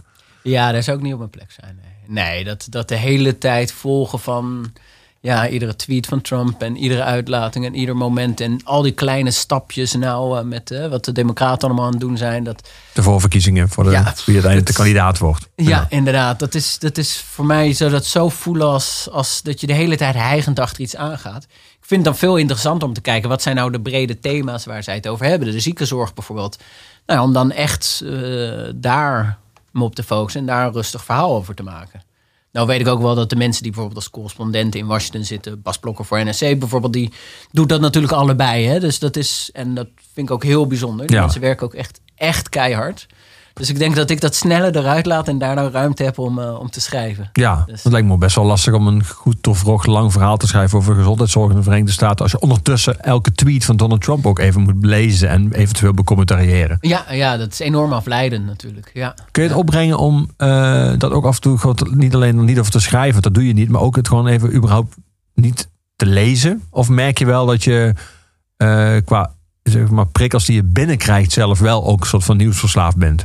Nou, die prikkels controleer je zelf. Dat heb je zelf in de hand natuurlijk. Dus je kan de hele dag een tv aan hebben staan met CNN, Fox News, noem maar op, om dat binnen te krijgen. Ja. Je kan dat ook niet doen. Nee, maar ik val bij als ik in de Verenigde Staten altijd op wel dat op heel veel plekken zelfs in liften tv's aanstaan. Dus je kan zelf Ja. thuis geen tv aan hebben, overal waar je bent is een tv. En elke Ja. etalage van de winkel staat een tv aan. Eh, Ja, ja, die mediaverslaving is echt gigantisch daar natuurlijk. En iedereen is daar zeker constant mee bezig. Maar ja, het is de keuzes die je, die je zelf daarin maakt, zijn daar toch ook wel bepalend in. Dus als ik aan het werk ben, dan ben ik soms ik gewoon in alle rust thuis dingen zit uit te werken en helemaal niet zo heel veel erop uit hoef. En ja, dan is dat niet aanwezig. Maar ja, soms ben ik inderdaad onderweg voor een reportage en dan zit je in een McDonald's een kop koffie te drinken omdat daar wifi is. En dan staat daar een tv. Nou, ik had het laatst met Fox News aan. Twee uur lang. En dan merk je ook wat een... Dat is gewoon bijna hersenspoelen hoe dat herhaalt, herhaalt, herhaalt om een punt te maken. En ja, dat, ik merk dat dat je wel een bepaalde onrust geeft. En ik ken ook mensen die inderdaad dat constant aan hebben Ja. thuis. En die Wat- worden daar zelf ook onrustig Wat, wat merk je? Dat interessant eigenlijk. Dat je, als je dat niet gewend bent en je gaat dan twee jaar lang bij McDonald's zitten. Je krijgt twee jaar lang een soort Fox op je afgevuurd. Ja. Eh, hoe, hoe, hoe anders was jouw stemming toen je die McDonald's uitliep dan toen je er twee jaar daarvoor er binnen liep? Was je dan opgefokter of was je een soort van gejaagder of bozer of wat? Nou, ja, twee uur ben je nog niet zozeer een ander mens. Dat niet. Maar er is wel een, eh, dat is een terugkerend verhaal in Amerika. Waar je bijvoorbeeld ziet dat mensen zeggen, familieleden, die zeggen, nou, mijn vader die werd op een gegeven moment, eh, bleef hij alleen achter. En ja, die, die begon met zo'n Fox News te kijken. En die, die raakte daardoor eigenlijk in een soort van zwart gat terecht. Waar hij dat steeds meer en meer keek. En dat hij ook steeds heftiger werd in zijn meningen. En dat mensen dan ook merken van als ik hem weer opzoek, dan steeds meer begint hij te schreeuwen en echt zich helemaal druk te maken. En ook steeds minder open te staan voor een ander idee. Want het is natuurlijk allemaal heel erg geënt op die nieuwsverslaving. Dat jij de hele tijd dat blijft kijken. Dat zie je ook als je een CNN kijkt. Dus constant is er weer een breaking news. En dan is dat net het kleine stapje om jou maar daarin mee te trekken. En ja, dat heeft natuurlijk net als iedere vorm van verslaving... heeft dat wel echt een impact op mensen. Ja. dat Een interessante analyse eigenlijk. Dat eenzaamheid ook een soort van aan de grond ligt van sommige vormen van nieuwsverslaving. Eh, dat je het gevoel hebt dat je zo niet alleen in je huis bent en iemand tegen dat tegen je aanpraat. Ja, eenzaamheid is ook een enorm thema in de VS. Dat, eh, ik heb dat vooral gemerkt omdat ik daar vanuit eh, ja, mijn standplaats in eh, Latijns-Amerika naartoe ging. Waar natuurlijk veel meer het leven toch op straat zich afspeelt. Dus bijvoorbeeld waar ik in Peru zat, dan hadden we een pleintje vlak om de hoek. En dan gingen we dan s'avonds was heen, gewoon even wandelen. Met mijn vriendin liep ik dan daarheen. En dan, ja, er was altijd leven. Er zijn mensen die zijn uit een karretje wat aan het verkopen. Er zit een jonge gitaar te spelen en uh, loopt wat stelletjes. En allemaal levendigheid. En dan ben je in de VS en dan heb je dus pleintjes waar het dan gewoon helemaal leeg is.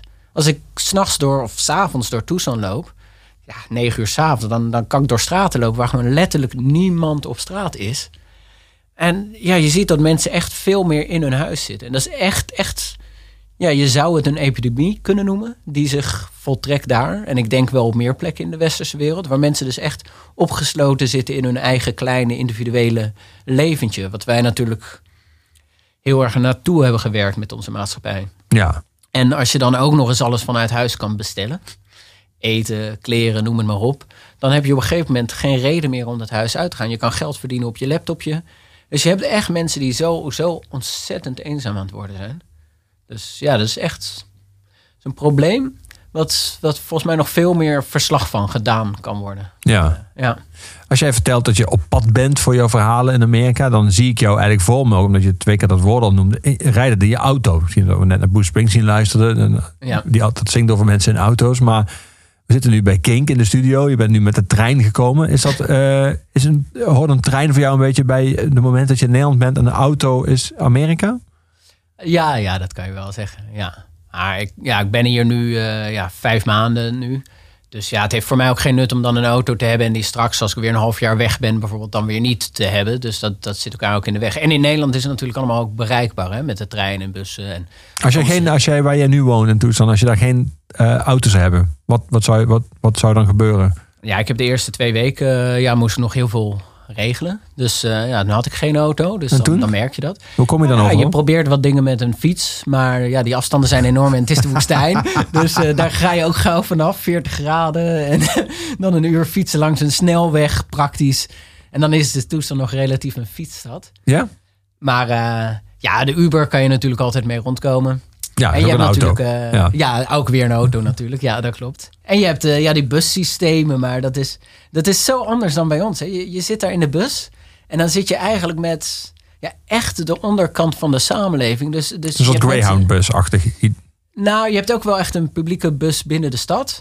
Maar dan, ja, dan zit je met mensen die in zichzelf praten, die helemaal psychologisch, helemaal psychisch verward zijn. En zeg maar, het beeld wat wij kennen, dat je in een bus stapt en dat daar gewoon iemand net in zijn pak zit. En dat daarnaast gewoon eh, een jong meisje zit met de telefoon te werken. Dat, dat ken je helemaal niet zo. Het zijn allemaal een beetje verwarde mensen en halve criminelen en daklozen die, die daar in die bus zitten. Dus het is helemaal niet een prettige ervaring om het openbaar vervoer te gebruiken. En dan zit je nog in Tucson. Als je in een LA zit bijvoorbeeld. Ja, mijn vriendin die was op een gegeven moment alleen op pas zij fotografeerd. Dus ze was voor iets onderweg. En ze kwam op een gegeven moment op een eh, metrohalte aan. Nou, ze zei, dat was zo eng. Er was gewoon die metrohalte, was gewoon... Ja, er liepen allemaal mensen rond die, die zo dreigend waren. En dan ben je gewoon even in een wat slechtere wijk. Ja, dat is, dat is helemaal niet vergelijkbaar met als wij hier in eh Sassenheim even uitstappen. Nee. Dus eh, ja. Dus eigenlijk is dat helemaal geen openbaar vervoer. Dat is eigenlijk niet voor iedereen geschikt. Of, Nee, ja, ja, ja. Het wordt in ieder geval niet door iedereen gebruikt. Maar Nee. het functioneert natuurlijk ook niet zo, eh, niet zo goed. nee. Ja. Ik vroeg je ook eh, welke muziek je dan draaide toen je, aan, eh, toen je aan je roman werkte. Had je altijd muziek opstaan? Of werkte je ook veel in stilte? Eh, je- ook wel, ja. Ik luister ook heel veel klassieke muziek. Dat heb ik gestudeerd aan het conservatorium. En eh, dus ook veel. Maar, eh, maar ook ja, veel, eh, veel eh, muziek. eh, ja, van alles en nog wat eh, luister ik vaak. Ja. Dus eh, Radiohead heb ik heel veel, eh, veel geluisterd altijd. Vind ik echt eh, fijne muziek. Dat brengt me toch in zo'n bepaalde stroom van gedachten. Maar soms is stilte ook heerlijk. Dat, Ja. ja. Nu is Radiohead natuurlijk het nummer Knives Out heb je gekozen. Dat draaide je veel. Ik hoor heel vaak mensen die aan, zeker aan romans werken... dat ze eigenlijk moeilijk, moeilijk vinden om een muziek te luisteren waarbij gezongen wordt. Omdat ze dan naar de tekst gaan luisteren. Dus heel veel mensen kiezen filmmuziek of instrumentale muziek. Of, Mhm. Maar Tom York leidde jou niet af met zijn gedachtenspinsels. Nee, nee, dat kan ik me dan wel eh, overheen zetten. En ik moet zeggen dat waar hij in slaagt, is dat hij toch. In de kunsten zoek je natuurlijk altijd naar dat, dat, eh, het andere. Of ja, het, hetgene dat net even buiten het alledaagse ligt. Soms is dat echt die ervaring van een bepaalde emotionele ervaring. Waardoor je echt geraakt kan worden. Die je nooit binnen het rationele zou kunnen bevatten. En ja, dat, dat heb ik wel met Radiohead. Dat ik merk dat ik daardoor toch een beetje emotioneel in een andere staat raak. En dat, dat is toch een bepaalde zelfde die ik ook wel nodig heb om te schrijven. Omdat je, ja, dat kan je ook niet allemaal maar rationeel beredeneren wat je wil, eh, wil zeggen.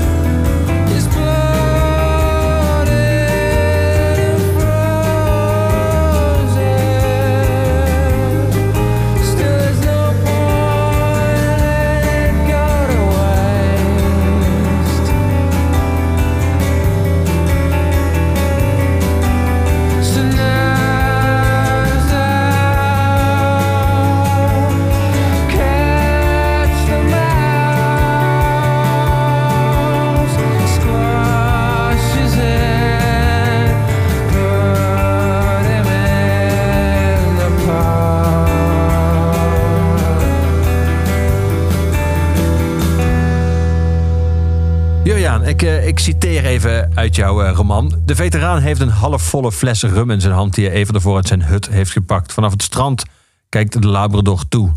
Alex haalt zijn hand door zijn baard... die intussen al aardig dik is geworden... zoals een tijd lang de mode was onder reizigers... toen Into the Wild in de bioscoop draaide. Nu vertelde jij al eh, dat je drie jaar lang in Latijns-Amerika hebt gewo- gewoond... en gewerkt als journalist... Ik mag aannemen dat jij aardig wat reizigers en backpackers hebt zien langskomen in, in al die jaren. Ja die, eh, ja, die heb ik wel gezien, ja. Met Lonely Planets nog toen? Of was, dat al, was die al uit? Ja, dan eh, gedownload op de telefoon, hè. maar eh, nee, ja, tuurlijk. Die, ja. overal natuurlijk, hè, de hostels vol. Met mensen die, die eigenlijk... Het is...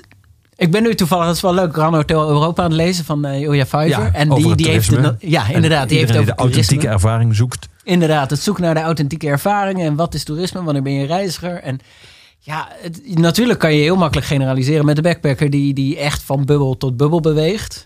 En je komt ze ook echt tegen die eigenlijk alleen maar met een groepje van het hostel aan het zuipen zijn. En dus eigenlijk in een soort van westerse bubbel in die wereld zitten. Ik heb wel eens in El Salvador, toen ik daar was voor die reputatie, iemand gesproken. Ja, die had geen idee dat daar een bendeoorlog gaande was. En dat is een van de gevaarlijkste landen ter wereld. Waar die Mara Salvatrucci en Barrio 18 elkaar afmaken. En ze ja, ik ben hier alleen om te surfen. Dat- Ja, dat, is natuurlijk... Hij had Ja, niet even, had niet even op internet gesurfd. Zo te eh, nee, nee. hij had inderdaad even door kunnen surfen van tevoren. Dat, maar dat is ook heel generaliserend. Ik bedoel, je komt natuurlijk ook heel veel mensen tegen die ook met een zekere interesse reizen. En ja, ook natuurlijk die, die bubbel waarin je kan bewegen geeft ook natuurlijk een bepaalde veiligheid om dat in te zien. En helemaal als je jong bent, als je iemand hebt die 22 is, net klaar met de studie en dan een halfjaartje even rond gaat reizen, is het toch wel veilig om dan, ook al reis je alleen, toch met een groep te kunnen gaan.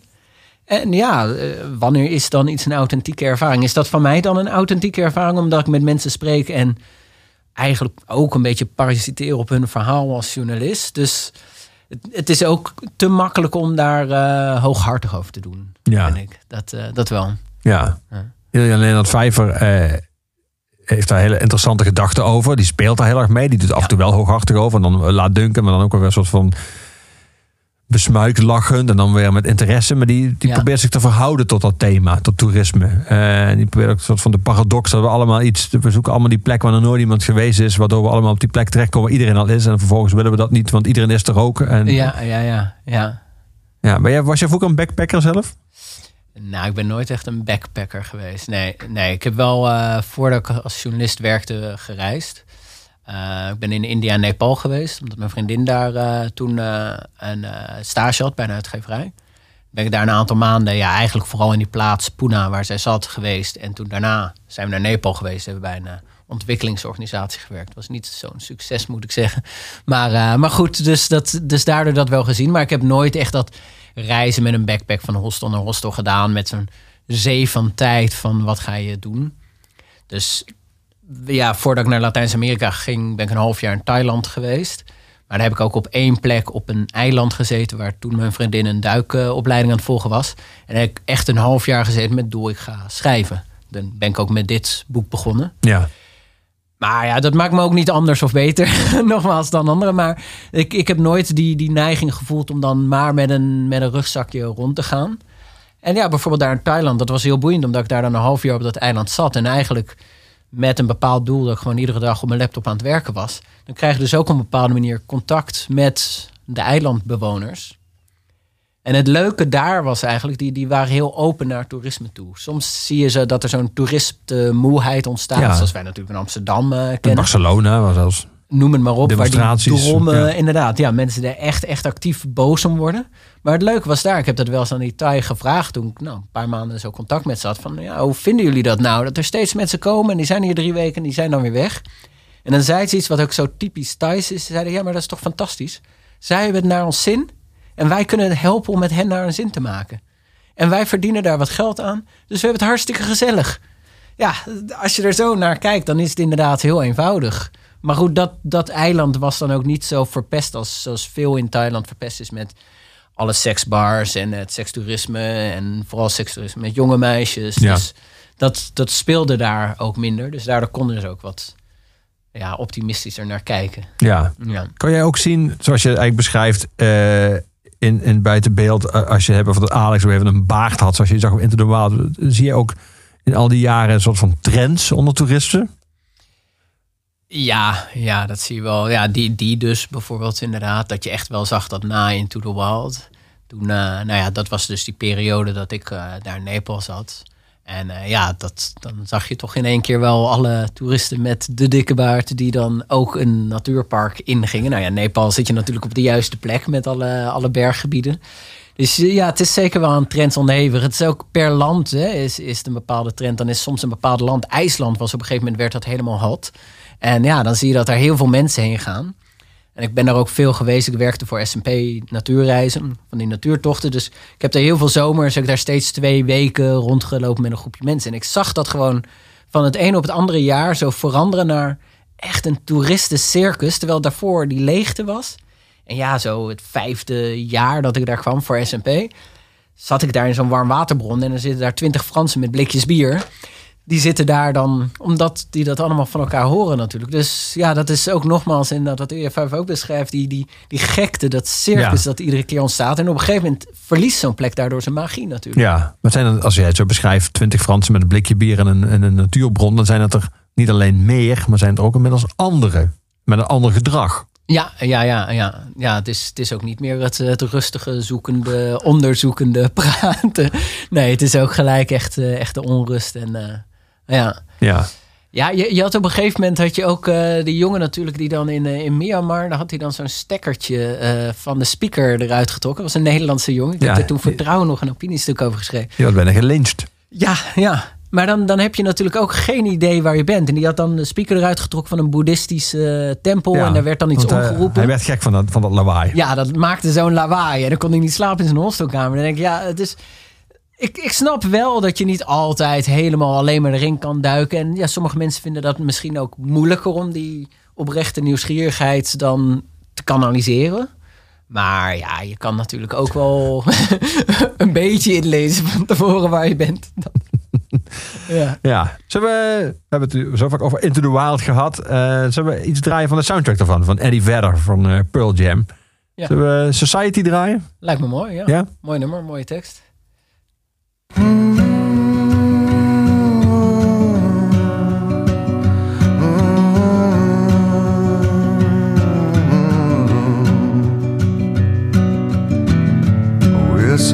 Mystery to me. We have agreed with which we have agreed. And you think you have to want more than you. Until you have it all, you won't be free. Society, you're a crazy breed. I hope you're not lonely without me.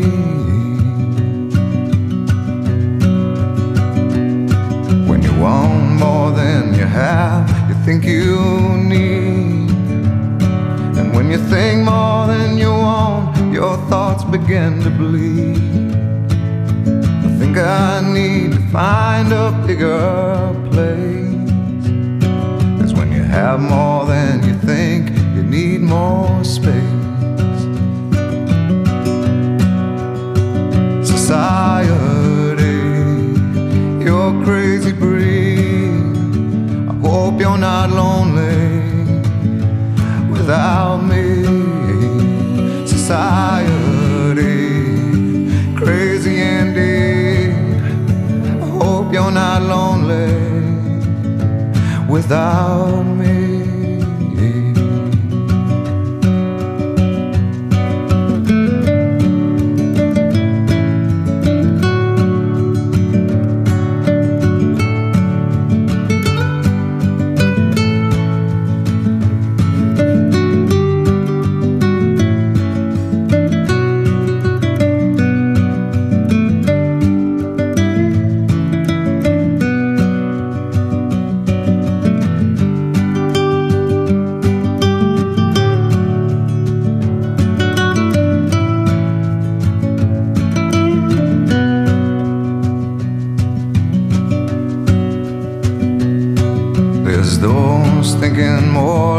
Less, is more.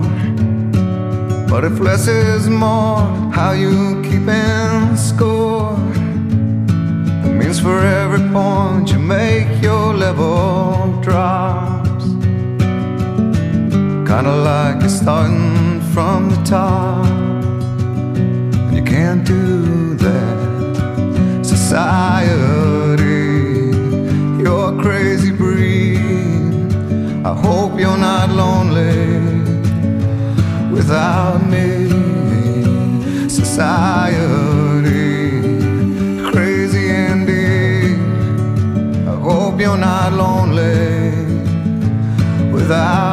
me, society. Have mercy on me. I hope you're not angry if I disagree. Society,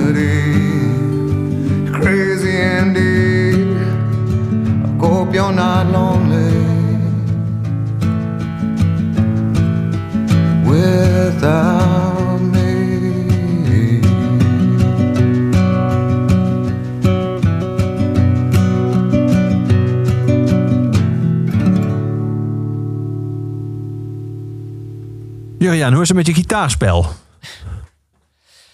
Ik, eh, ja, ik speel niet eh, meer eh, publiek, of hoe zou je zeggen, niet meer professioneel.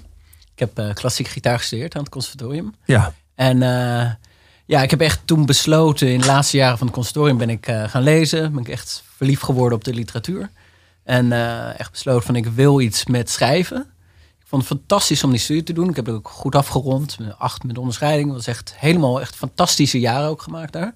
Maar ik merkte, ja, die, die, die weg om dus in die klassieke muziek verder te gaan. Vijf, zes uur per dag te spelen en echt daar, daar helemaal in op te gaan. Was op dat moment, voelde dat als een, als een te beperkt eh, weg voor me. Dus ik wilde ook meer van de wereld zien. Ik wilde, wilde echt dat schrijven eh, die kant uit gaan. Maar ik ben altijd blijven spelen. Ja. Daarna, is- daarna ben je naar de kunstacademie gegaan. Ja, een jaartje heb ik Ja. een, eh, ja, schrijf voor eh, theater en film in Utrecht gedaan. Die, eh, ja, dat heb ik niet afgemaakt. was een vierjarige opleiding. Maar ik merkte op dat moment van nee, ik moet... Ik vond een goede opleiding. Was, was heel veel hè, ideeën werden me daar aangereikt om met schrijven verder te komen. Maar ik merkte vooral van ja, dit zijn ideeën die, die kan ik leren. Die kan in principe iedereen leren. Er zijn bepaalde technieken. Daarnaast moet ik nu gaan werken aan dat ik echt iets te vertellen heb. En dus, ja, op dat moment ben ik toen eerst gaan reizen en ben, ben eigenlijk veel meer de diepte ingegaan. Ja. Dus, eh, maar zeker, er zijn wel echt ook technische aspecten van het schrijven die je ook echt kan leren. Dus ja, misschien was het heel anders gelopen als ik die studie had afgemaakt, die vier jaar. Maar, eh, Heb je het gevoel wel eens dat je nog iets hebt aan jouw eh, klassieke gitaaropleiding, conservatoriumopleiding? Het- Oh ja, zeker. Ja, ja ik denk dat. En het zullen mensen die, die echt diep in de klassieke muziek zitten, zullen dat beamen. Het is wat je toch ook leert.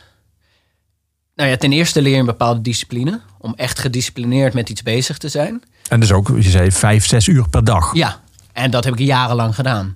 En daarnaast ben je muziek aan het luisteren. Gewoon heel mijn leven was die gitaar. En Ja. dat is het jarenlang geweest. Het heeft ook, als je het zo eens omschrijft, eigenlijk zoals bij een topsporter, iets, iets monomaans. Zeker, dat heeft het ook. En dat was ook hetgeen dat me op een gegeven moment tegenstond.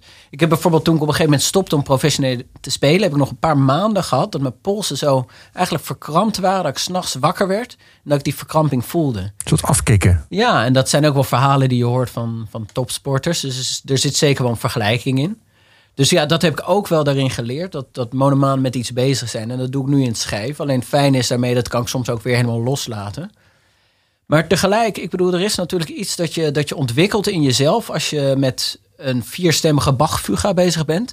Dat, en dat allemaal in je hoofd te begrijpen. Al die melodieën, die stemmen die door elkaar heen gaan, die veranderingen in de harmonieën, die, die verschillende thema's, al die ideeën die dat rijk is. En dat tegelijk te luisteren en te begrijpen, dat, dat is een bepaalde manier waarop je, je jezelf en je hersens ontwikkelt. Die je eigenlijk een bepaalde ontwikkeling brengt die heel breed is. Ja. Het is een soort van En- analytisch vermogen eigenlijk. Ja, dan- ja, zeker. Ik denk dat dat, dat dat voor echt, als je echt professioneel naar klassieke muziek luistert, of, of niet professioneel, maar je echt daarin verdiept, dan ontwikkel je dat zeker. En daarnaast heb je natuurlijk met muziek, ik noemde het al eerder, met kunst ben je natuurlijk toch vaak aan het zoeken naar datgene wat voorbij het alledaagse gaat. Misschien wel transcendente. Dus waarin je zegt van, ik heb een bepaalde ervaring. Ik kan soms een boek lezen die mij echt verder brengt. Maar dat is niet in woorden te vatten, maar misschien met ideeën over het leven, de dood, de tijd en de werkelijkheid. En die mij even daarin kunnen raken. Muziek als kunstuiting is natuurlijk, raakt heel direct aan die emotie. Dus ik heb, nog, ik heb stukken die ik kan luisteren. Als ik eh, luister naar Verkleerde Nacht van Schoenberg, dan, dan ik kan dat niet opzetten zonder dat te voelen. Ik vind dat zo, zo prachtig. Die momenten dat, dat die harmonie helemaal openbreekt.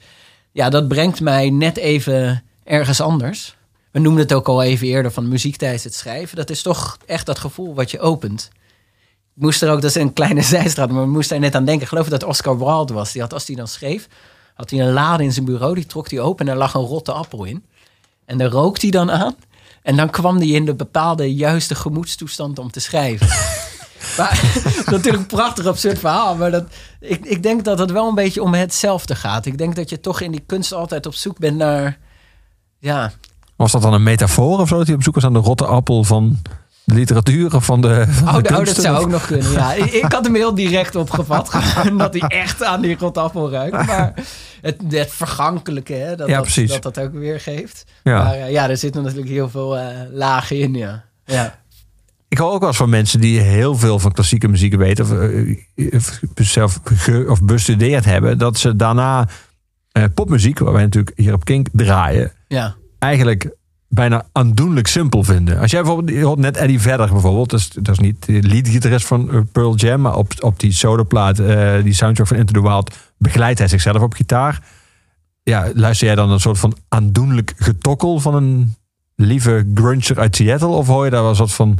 Wat hoor jij dan? Nou, nee. Ik bedoel, dat nummer, dat is, ik geloof, drie akkoorden. D, A, E uit mijn hoofd. Ik heb het ooit wel eens eh, gespeeld. Dus in die zin, het akkoordenschema, de harmonie is natuurlijk heel eenvoudig. Maar ik denk dat dat, dat ja, transcendente, hogere, het andere wat je probeert te bereiken in elke vorm van kunst, dat je dat ook op andere manieren kan bereiken. En dus in de popmuziek kan je dat ook zeker bereiken. Dus in die zin kan alleen al die stem en die emotie, die, die, die kan, daarmee kan je dat vinden. Maar daarnaast heb je natuurlijk, en daarom luister ik bijvoorbeeld graag naar Radiohead. Dat vind ik dan echt een voorbeeld van, van een groep die dus binnen die popmuziek echt wel weer die grenzen opzoekt. Van hoe ver kunnen we gaan met bepaalde harmonieën, met bepaalde akkoordenschema's. Dat het net even voorbij dat standaard ABAB, eh, CB structuurtje gaat. Ja. Dus eh, ja, maar ja, nee, soms, soms luister ik er zeker zo naar. Je hebt van die heel commerciële, ingeblikte dingetjes. Ja, dat is natuurlijk de behangmuziek eh, die, die je kan afspelen, maar die zegt niks. Maar die zegt mij emotioneel niks. Ik kan dat ook hebben als ik naar Vivaldi luister. Dan denk ik, ja, dit zegt me ook emo- emotioneel vaak niet heel veel. Maar ja, je kan natuurlijk ook binnen dat simpele schema echt wel die emotie raken. Dat, dat geloof ik wel in. Ja, we gaan naar eh, Mercedes Sosa. Ah. We gaan naar Latijns-Amerika. Wat is jouw eh, herinnering aan deze muziek en aan haar? Zij is natuurlijk een icoon. Ja, ja zeker. Ja, Argentijnse zangeres die natuurlijk echt eh, staat voor die muziek vandaar.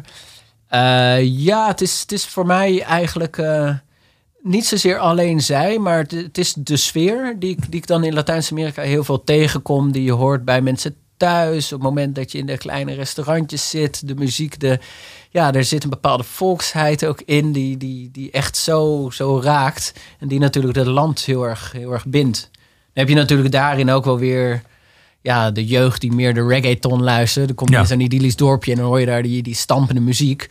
Dus daar is natuurlijk ook wel de strijd van de oudere generatie tegenover de jongere generatie. Maar ik denk dat die muziek is wel echt een belangrijk aspect van de Latijns-Amerikaanse cultuur. Waarin ze toch ook echt dat gemeenschapsgevoel vinden. Ja, het is wel grappig, want ik hoor hier als, zeg maar, als niet eh, als, als buitenstaander leek, hoor ik hier heel veel melancholie in. Maar in die reggaeton hoor ik dat inderdaad helemaal niet. Eh hoor ik wel andere dingen, dat het broeierig is en, en ritmisch en eh, ontzettend opwindend. En eh, dat er ook een soort van seksualiteit in zit. Maar het element melancholie, wat ik op de een of andere manier ook met het continent associeer, wat ik in deze muziek heel erg hoor, in, in Ja. sommige van die nieuwe muziek helemaal niet, dat element.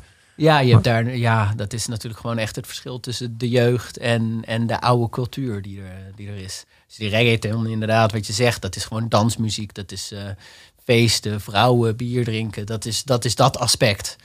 Terwijl, ja, als je kijkt naar echt dat eh, melancholische, ja.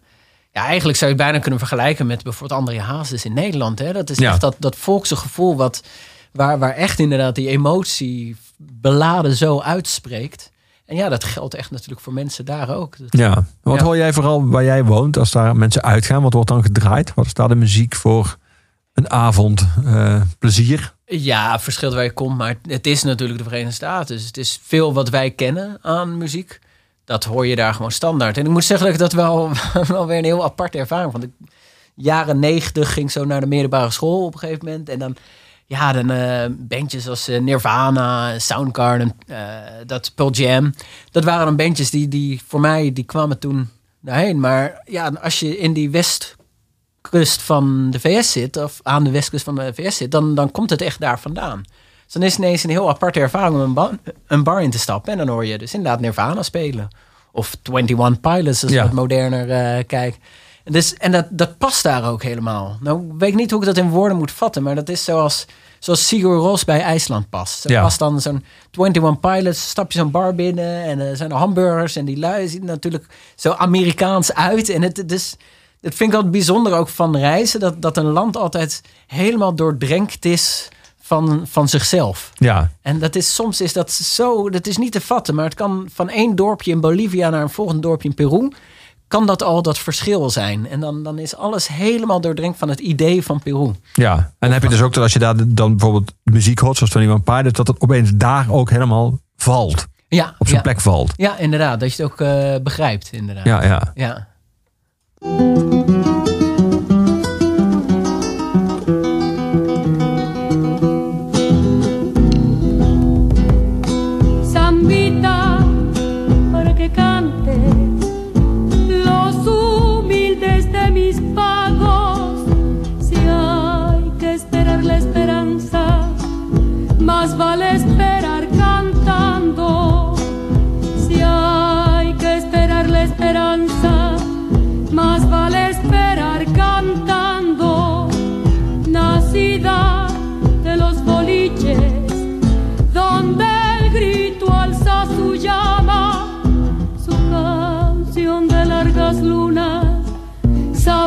siembra y el agua, su canción de largas lunas, sabe la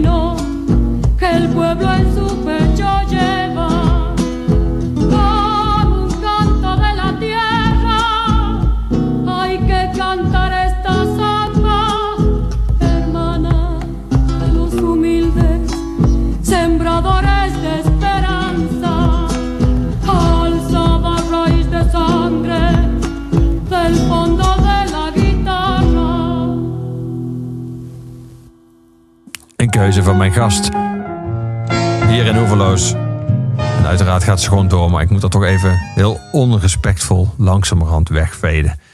Jurjaan. Ehm jouw hoofdpersoon Alex, eh, ik zei het in het begin al, die worstelt met de mores van de journalistiek en ook met allerlei ethische dilemma's. Eh, de vraag eh, hoe ver een verhaal dat relevant is, eh, helemaal de waarheid moet zijn. Of dat een verhaal ook bijna, zoals ik zou bijna zeggen, propagandistische waarde kan hebben. Om het, het, goede doel te, dienen. Een verhaal, ver mag je een verhaal aandikken?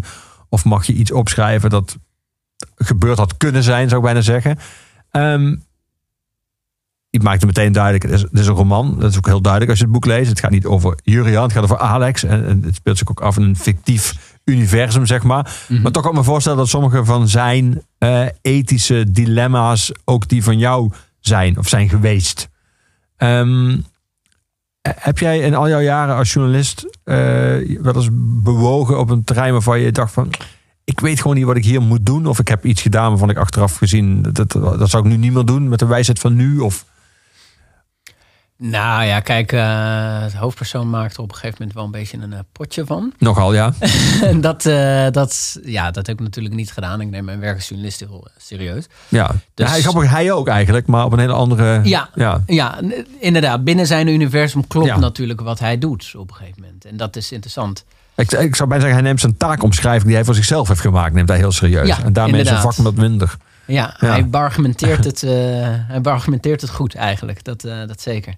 Nou, ik, eh, ja, ik zit te denken aan een situatie en dat is wel leuk. Daar, komen ook die dingen een beetje samen. Op een gegeven moment in Peru was ik een eh, verhaal aan het maken over de Rondas Campesinas. Campesinos heette zij. En dat waren eigenlijk de burgerwachten daar in die dorpjes. waren lui, die lopen daar rond en die hebben een zweepje. Dat komt nog een beetje verwijst een beetje naar vroeger, naar de, de vroege beschavingen daar, die dan zelf als dorpje de boel beschermden. Dus wat doen die? Die, die vinden mensen die, die kwaad hebben uitgehaald. Hè? En dat, dat kan natuurlijk een inbraak zijn, dat kan van alles zijn. En die krijgt dan een afranseling. En als het echt heel erg is, dan ging die in het meer. En dat overleef je vaak niet in een dorpje op eh, drie kilometer hoogte. Dus heb is de daar- lijfstraf of de doodstraf. Ja, inderdaad. En dat, eh, ja, dat was natuurlijk ook niet echt eh, dat onderscheiden. Het was gewoon één macht die direct eh, bepaalt, nou jij bent het, die de arrestatie uitvoert eigenlijk, dan vervolgens de strafzaak en vervolgens de straf uitvoert. Officier van justitie, rechter en beul waren één. Daarom, ja, inderdaad. Dat was één ja, groep, één persoon. Dus ik heb daar een aantal reportages over die, die lui gemaakt. Heel interessant, ook met ze mee op pad gegaan. Ze waren ook geneigd of genegen om dat er ook gewoon Ja, vertellen. zij geloofde daar recht in. Dus, dus ja, dat wil ze graag delen. Vond ze heel interessant dat wij daar interesse in eh, toonden. Dus eh zei, nou, laten we wel zien. Dus op een gegeven moment was ik in een dorpje en eh, nou, er was een jongen, werd aangehouden. En die had dan ingebroken op een bouwplaats en had wat spullen gestolen. Maar daar, eigenlijk werkte die daar zelf ook overdag. Dus die wist natuurlijk de toegang en dan had hij een of andere boor of iets dergelijks gestolen. Dus nou, die jongen die haal, was dan opgehaald hè, bij hem thuis. En wij kwamen naar die ruimte toe waar hij dan was. Nou, daar werd hij dus bestraffend toegesproken door de, de campesinos, de rondas. En eh, ja, hij moest eh, een bekentenis geven. En eh, nou, dat kwam er allemaal niet zo heel erg uit. En wat wij natuurlijk wilden, ik was met mijn vriendin fotograaf, we wilden natuurlijk een mooie foto van hen in actie met die zweep. Dat zou het verhaal ook wel vertellen. Maar tegelijk zit daar natuurlijk ook een beetje al die ethische kwestie. Want je wil die lijfstraf zien, maar ja, tegelijk moet, ja, kan je ook afvragen, moet je die tegenhouden? Alleen werd er nog een beetje verdubbeld, want we kwamen erachter dat de jongen niet helemaal eh, mentaal helemaal goed was. Ik weet niet precies wat er met hem was, maar ik denk dat hij autistisch was. Ja. Dus die had gewoon mentale problemen. Dus die was natuurlijk door andere mensen gewoon gebruikt om die spullen te stelen. En ik merkte langzaamaan, terwijl wij in die situatie zaten, dat dus die ronda's, die wilden ons heel graag laten zien. Want die hadden vermoedelijk ook wel door wat wij wilden zien. Dus die werkte eigenlijk heel erg naar die lijfstraf toe. Dus ik had het idee dat de situatie aan het veranderen was onder mijn ogen. Om mij te bieden Ja, wat ik wilde zien. ja. Terwijl ja, eigenlijk dacht ik, ja, maar de jongen die is toch niet helemaal. daar, daar is iets mee, dus die, die heeft gewoon hulp nodig. En ja, op een gegeven moment kreeg hij dus inderdaad een afranseling met de zweep. En ja, daar, daar zit natuurlijk heel erg dat ethische ding. Ik ben aan de ene kant blij dat ik denk, nou, ik heb mijn verhaal, ik heb mijn foto's, ik heb dat. En aan de andere kant denk je, had ik niet moeten ingrijpen. En dat is natuurlijk echt de thematiek ook van dit boek. Ja. Van, kan je tegelijk alleen maar observator zijn en niet in een situatie toegrijpen of ingrijpen? Mhm. En ja, dat is iets waar je eigenlijk, waar ik eigenlijk constant mee geconfronteerd ben, ja. word als, ja, als journalist. En iedereen. het dilemma ja. van eh, bijvoorbeeld elke documentairemaker is dat je in beeld wil laten zien hoe iets is, terwijl het feit dat jij erbij bent al beïnvloedt hoe het is. Het Ja. zou nooit zo zijn geweest zoals jij het laat zien als jij er niet bij was geweest. Ja, Alleen de consequentie hier is dan natuurlijk al vele malen ernstig. Dat is het verschil bijna tussen wel of geen lijfstraf. ja, inderdaad. gekke is als jij nu zegt, had ik moeten ingrijpen. De, de grootste manier waarop je had kunnen ingrijpen is eigenlijk door er niet te zijn geweest. Ja, inderdaad, want ik veranderde de werkelijkheid ook door mijn aanwezigheid. Dat gebeurt natuurlijk altijd. Ja, Dat is zelfs een filosofisch idee. Is er wel een werkelijkheid of is dat alleen maar vanuit mijn subject? Dus en ja, daarbij merk je dat natuurlijk heel erg. Op het moment dat je in zo'n situatie bent, die verander je altijd door daar te zijn. Je hebt natuurlijk op het moment dat je Nou, protesten een behoorlijk heftige straf voor diefstal trouwens. Gewoon een aantal zweepslagen. Dat, Even, als ik Ja. even naar een proportionaliteit denk. Als je dan toch meegaat aan dat denkkader, is dat wel een vrij heftig. Ja, ja, ja zeker. Ja. ja, dat kon nog veel heftiger worden hoor. Dat eh, echt mensen die echt helemaal in elkaar worden geslagen. Of dus daarboven werden achtergelaten. Misschien niet in het meer, maar wel s'nachts daar slapen. En ja, die konden dus inderdaad gewoon overlijden. En dan waren ze deze jongen, ja, kreeg ook dat dreigement. Dus die was natuurlijk helemaal in de war en in tranen. En die begreep ook niet zo goed wat hij dan fout had gedaan. Dus ja, het is. eh, maar ja, het schikt wel af. Die dorpjes waren veilig. En dat was het beneden in, eh, aan de kust in Peru, is het dat veel minder. Dus dat was zijn punt. Ja. Die man die ik dan persoonlijk volg. De afschrikwekkende Ja, werking, die zei, die was dit er. werkt. Ja, het is een beetje weer dat law and order idee natuurlijk. Dat, eh, dat zat er, speelde daar wel mee. Ja, Ja, nou een beetje. Dat is wel de ultieme, dat is wel de ultieme uitvoering ervan. ja, ja inderdaad. Dus, maar ja, goed, ja, je beïnvloedt dat altijd. Er is Marjolein van der Water, zij is zeven jaar eh, correspondent geweest van de Volkskrant. Is recent afgezwaaid en eh, of terug naar Nederland gegaan. Die heeft een heel mooi artikel ook erover geschreven. Over die kwestie, hoe zij daar zelf ook in die zeven jaar mee heeft gezeten. Dat ze dus inderdaad altijd met de lezer over haar schouder meekijkend... Ja. verslag heeft gedaan van al die situaties. En ja, in hoeverre verander je de situatie? Moet je de situatie niet veranderen? Moet je iemand niet die 2 euro geven die die nodig heeft op dat moment? En dat is natuurlijk iets waar ik ja, ook constant tegenaan ben gelopen. Ja. En je voedt je in die zin met de ellende van mensen. Maar goed, ik geloof ook wel echt dat, en dat heb ik ook wel gemerkt, dat het vertellen van dat verhaal, al is het niet direct dat het wat teweeg brengt, zoals waar we het eerder over hadden, dat het in ieder geval teweeg brengt dat er echt naar iemand geluisterd wordt. En ik merk dat ik gewoon, ja, ik heb veel mensen nog die, die nog steeds daar blij mee zijn. Ik heb helemaal aan het begin van mijn journalistiek heb ik vluchtelingen gesproken in Istanbul. En ja, die, die waren gewoon zo blij dat zij een hele verhaal aan mij kwijt konden. Dat, dat, daar krijg ik nog steeds eh, ieder jaar een eh, verjaardagsberichtje van op Facebook. Ja, ja. en ja, dat, dat is het ook. Dat breng je ook natuurlijk. ja. Dus, eh, Snap je inmiddels jouw dorpje in het zuiden? Nou, dorpje wonen 520.000 mensen volgens mij. in het zuiden van Arizona helemaal. Waar nee. Linda, waar Linda Ronstadt is geboren, las ik. Ja, klopt. Ja, ja die, eh, die Heeft komt u- uit de regio. Ja, Heeft u een was, standbeeld of niet? Eh, nou, een- dat weet ik niet. Het zou kunnen. Ik heb er niet zo 1, 2, 3, 1 gezien. Maar ik kwam bijvoorbeeld laatst wel iemand tegen die inderdaad direct contact had met haar. En die was ook wel eens met haar op pad geweest voor een reportage van de New York Times. En nou, hij was een beetje mijn fixer in Noord-Mexico. Nou, was dan ook wel eens met haar geweest. En dan, dus ja, ze is echt wel een eh, persoon daar natuurlijk. Ja. Ja, Democratische burgemeester hebben jullie. ja. Ja. Ja, ja het is een eh, blauwe bubbel, in, eh, of democratische bubbel in een verder tamelijk rode staat. Dus, eh, Arizona is grotendeels republikeins. Ja, het is wel aan het veranderen. Dus er, er is wel echt. het, is, het is nu een beetje in de richting aan het komen dat het mogelijk meer een democratische staat wordt. Maar als je kijkt naar de afgelopen verkiezingen, dan is alleen Bill Clinton 96. Dus de herverkiezing van Bill Clinton is, eh, is er democratisch gekozen in de presidentsverkiezingen. Voor de rest was het altijd helemaal rood. En ja, je hebt ook mensen van die hele heftige republikeinen, zoals eh, Sheriff Joe Arpaio. Die, eh, die had daar die tentenkampen waar dan de migranten ingezet werden. En dan geen airco in die, van die grote tenten. Dus het werd 50 graden overdag. En dan moesten ze roze onderbroeken dragen. Dus echt dat, dat idee van afschrikken, vernederen, waar nu deze regering ook een beetje op inzet. Ja, dat, dat, dat leeft daar heel erg. Dus dat contrast is, is boeiend. Als je dan zo'n toestand hebt wat echt zo'n artistieke stad is. Bandjes, eh, kunst. En niet dat dan de Republikeinen geen kunst hebben. Maar ik zeggen meer een wat linksere stad is. Ja. En dan, dan heb je daar omheen echt die, die hele heftige ja, omgeving van Republikeinen. Maar je bent er dus gaan wonen nadat Trump gekozen werd. Dus je gaat nu voor Ja. de eerste keer ga je in Tucson verkiezingen meemaken. Verkiezingscircus, eh, alles wat ja, erbij ja. hoort. Ja, ik ben heel benieuwd. Ja. ja.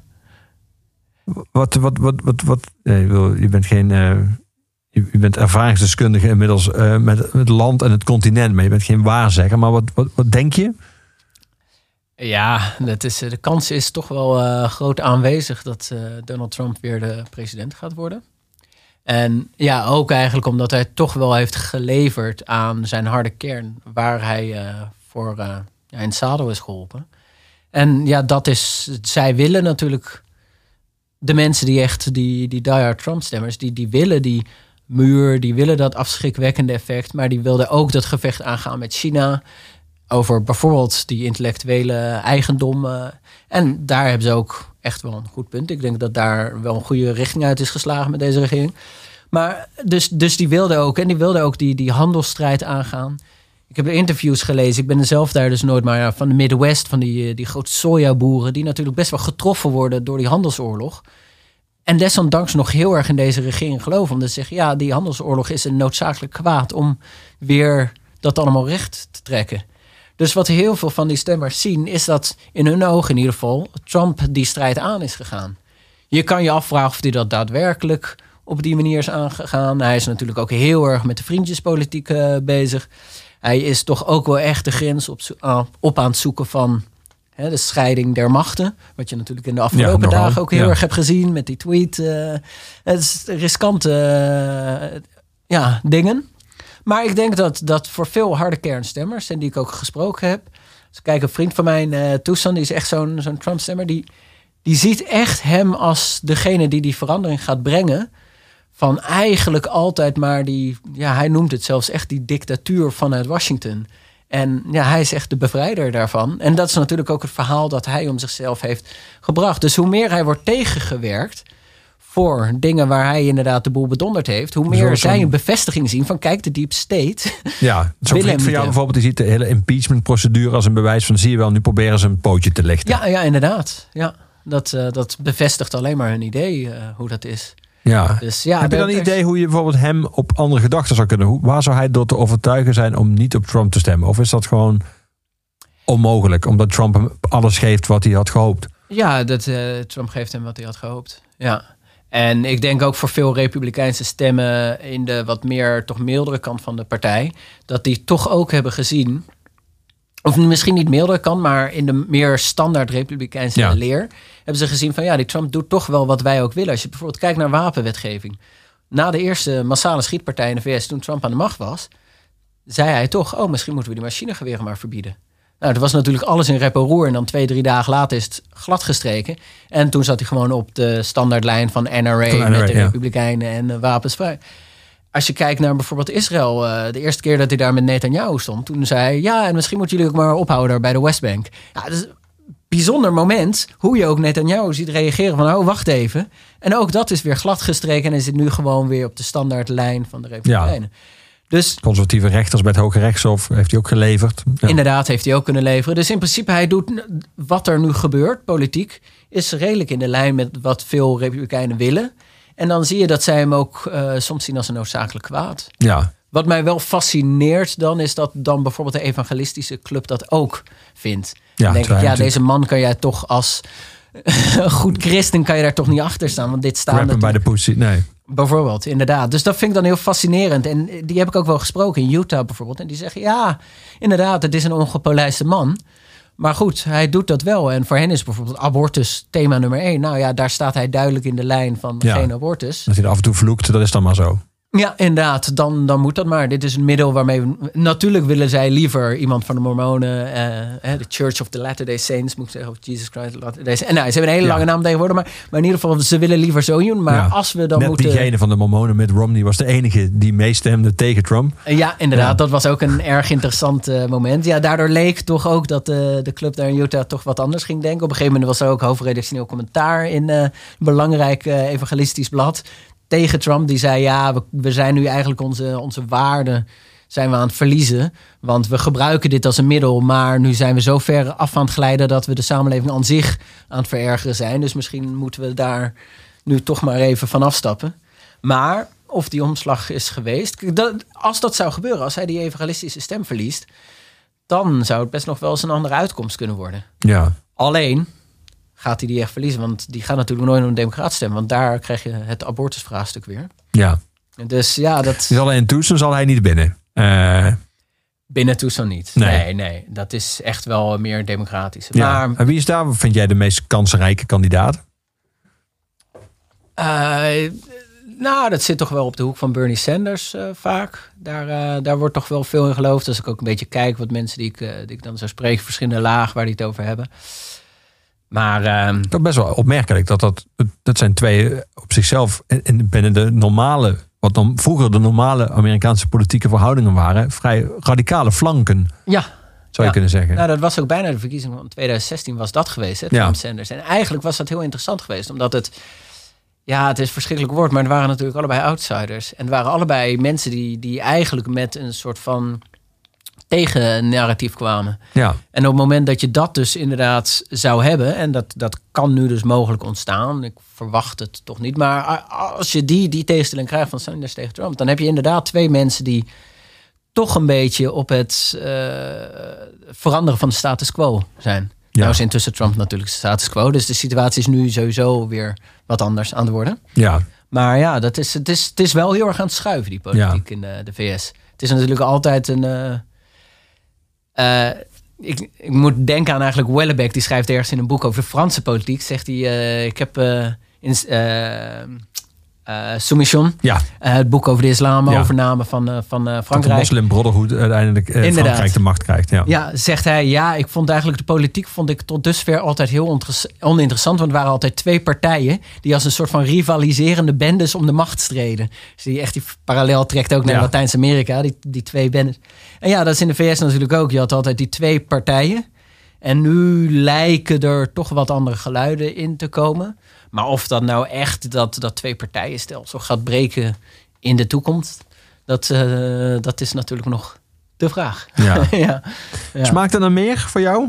Om daar buiten te beeld? zijn. Nou, buiten beeld. je roman. En dat smaakt zeker naar meer. Ja, ja. nee, het is echt mijn doel om eh, fictieschrijver te zijn. Eigenlijk zoals, je, eigenlijk zoals je begonnen bent. Zoals ik begonnen ben. Ja, zoals eh, wat ik me eerst ten doel heb gesteld. En ik vind de journalistiek prachtig. Vind verhalen vertellen prachtig. Ik hoop dat ook altijd te blijven doen. Dus mijn ideale situatie is dat ik gewoon blijf schrijven aan romans. En iedere paar jaar een boek uitbreng. En daarnaast af en toe een diepteverhaal kan brengen. Over een situatie of een plek waar ik ben. En dat ook echt met, met die aandacht te kunnen brengen. Dus echt ook voor die trage journalistiek te gaan. Maar ja, fictie schrijven vind ik wel echt het, het ultieme. Dat ik echt een hele wereld kan creëren waarin je iemand meeneemt. En ook iemand meeneemt in een gedachtegang die misschien niet jouw eigen is. Zoals we hadden het over die keuzes die, die Ja. Alex maakt. En hij maakt keuzes die natuurlijk in principe verwerpelijk zijn. Maar als ik erin ben geslaagd om dat eh, aannemelijk te maken waarom hij die keuzes maakt. Ja, dan vind ik dat fantastisch. Om, om die wereld te kunnen creëren. Dus eh, ik hoop meer. Ja, dankjewel Jurian dat je er was. Buiten beeld, zo heet hij. Het uitgeven door Nieuw Amsterdam. Ligt nu in iedere zichzelf respecterende boekhandel. Je luistert naar Oeverloos iedere week op Kink. Te luisteren via al je podcastkanalen en via de Kink app en de Kink site. Oeverloos wordt mede mogelijk gemaakt door de muziekgieterij, het grenzeloze muziekpodium. En iedere week sluit ik Oeverloos af met onze postuum huisdichter met Luc de Vos. Het laatste woord is aan Luc. Het laatste woord is Gorky met het nummer Een schaduw in de schemering. Stoort het als ik drink vannacht?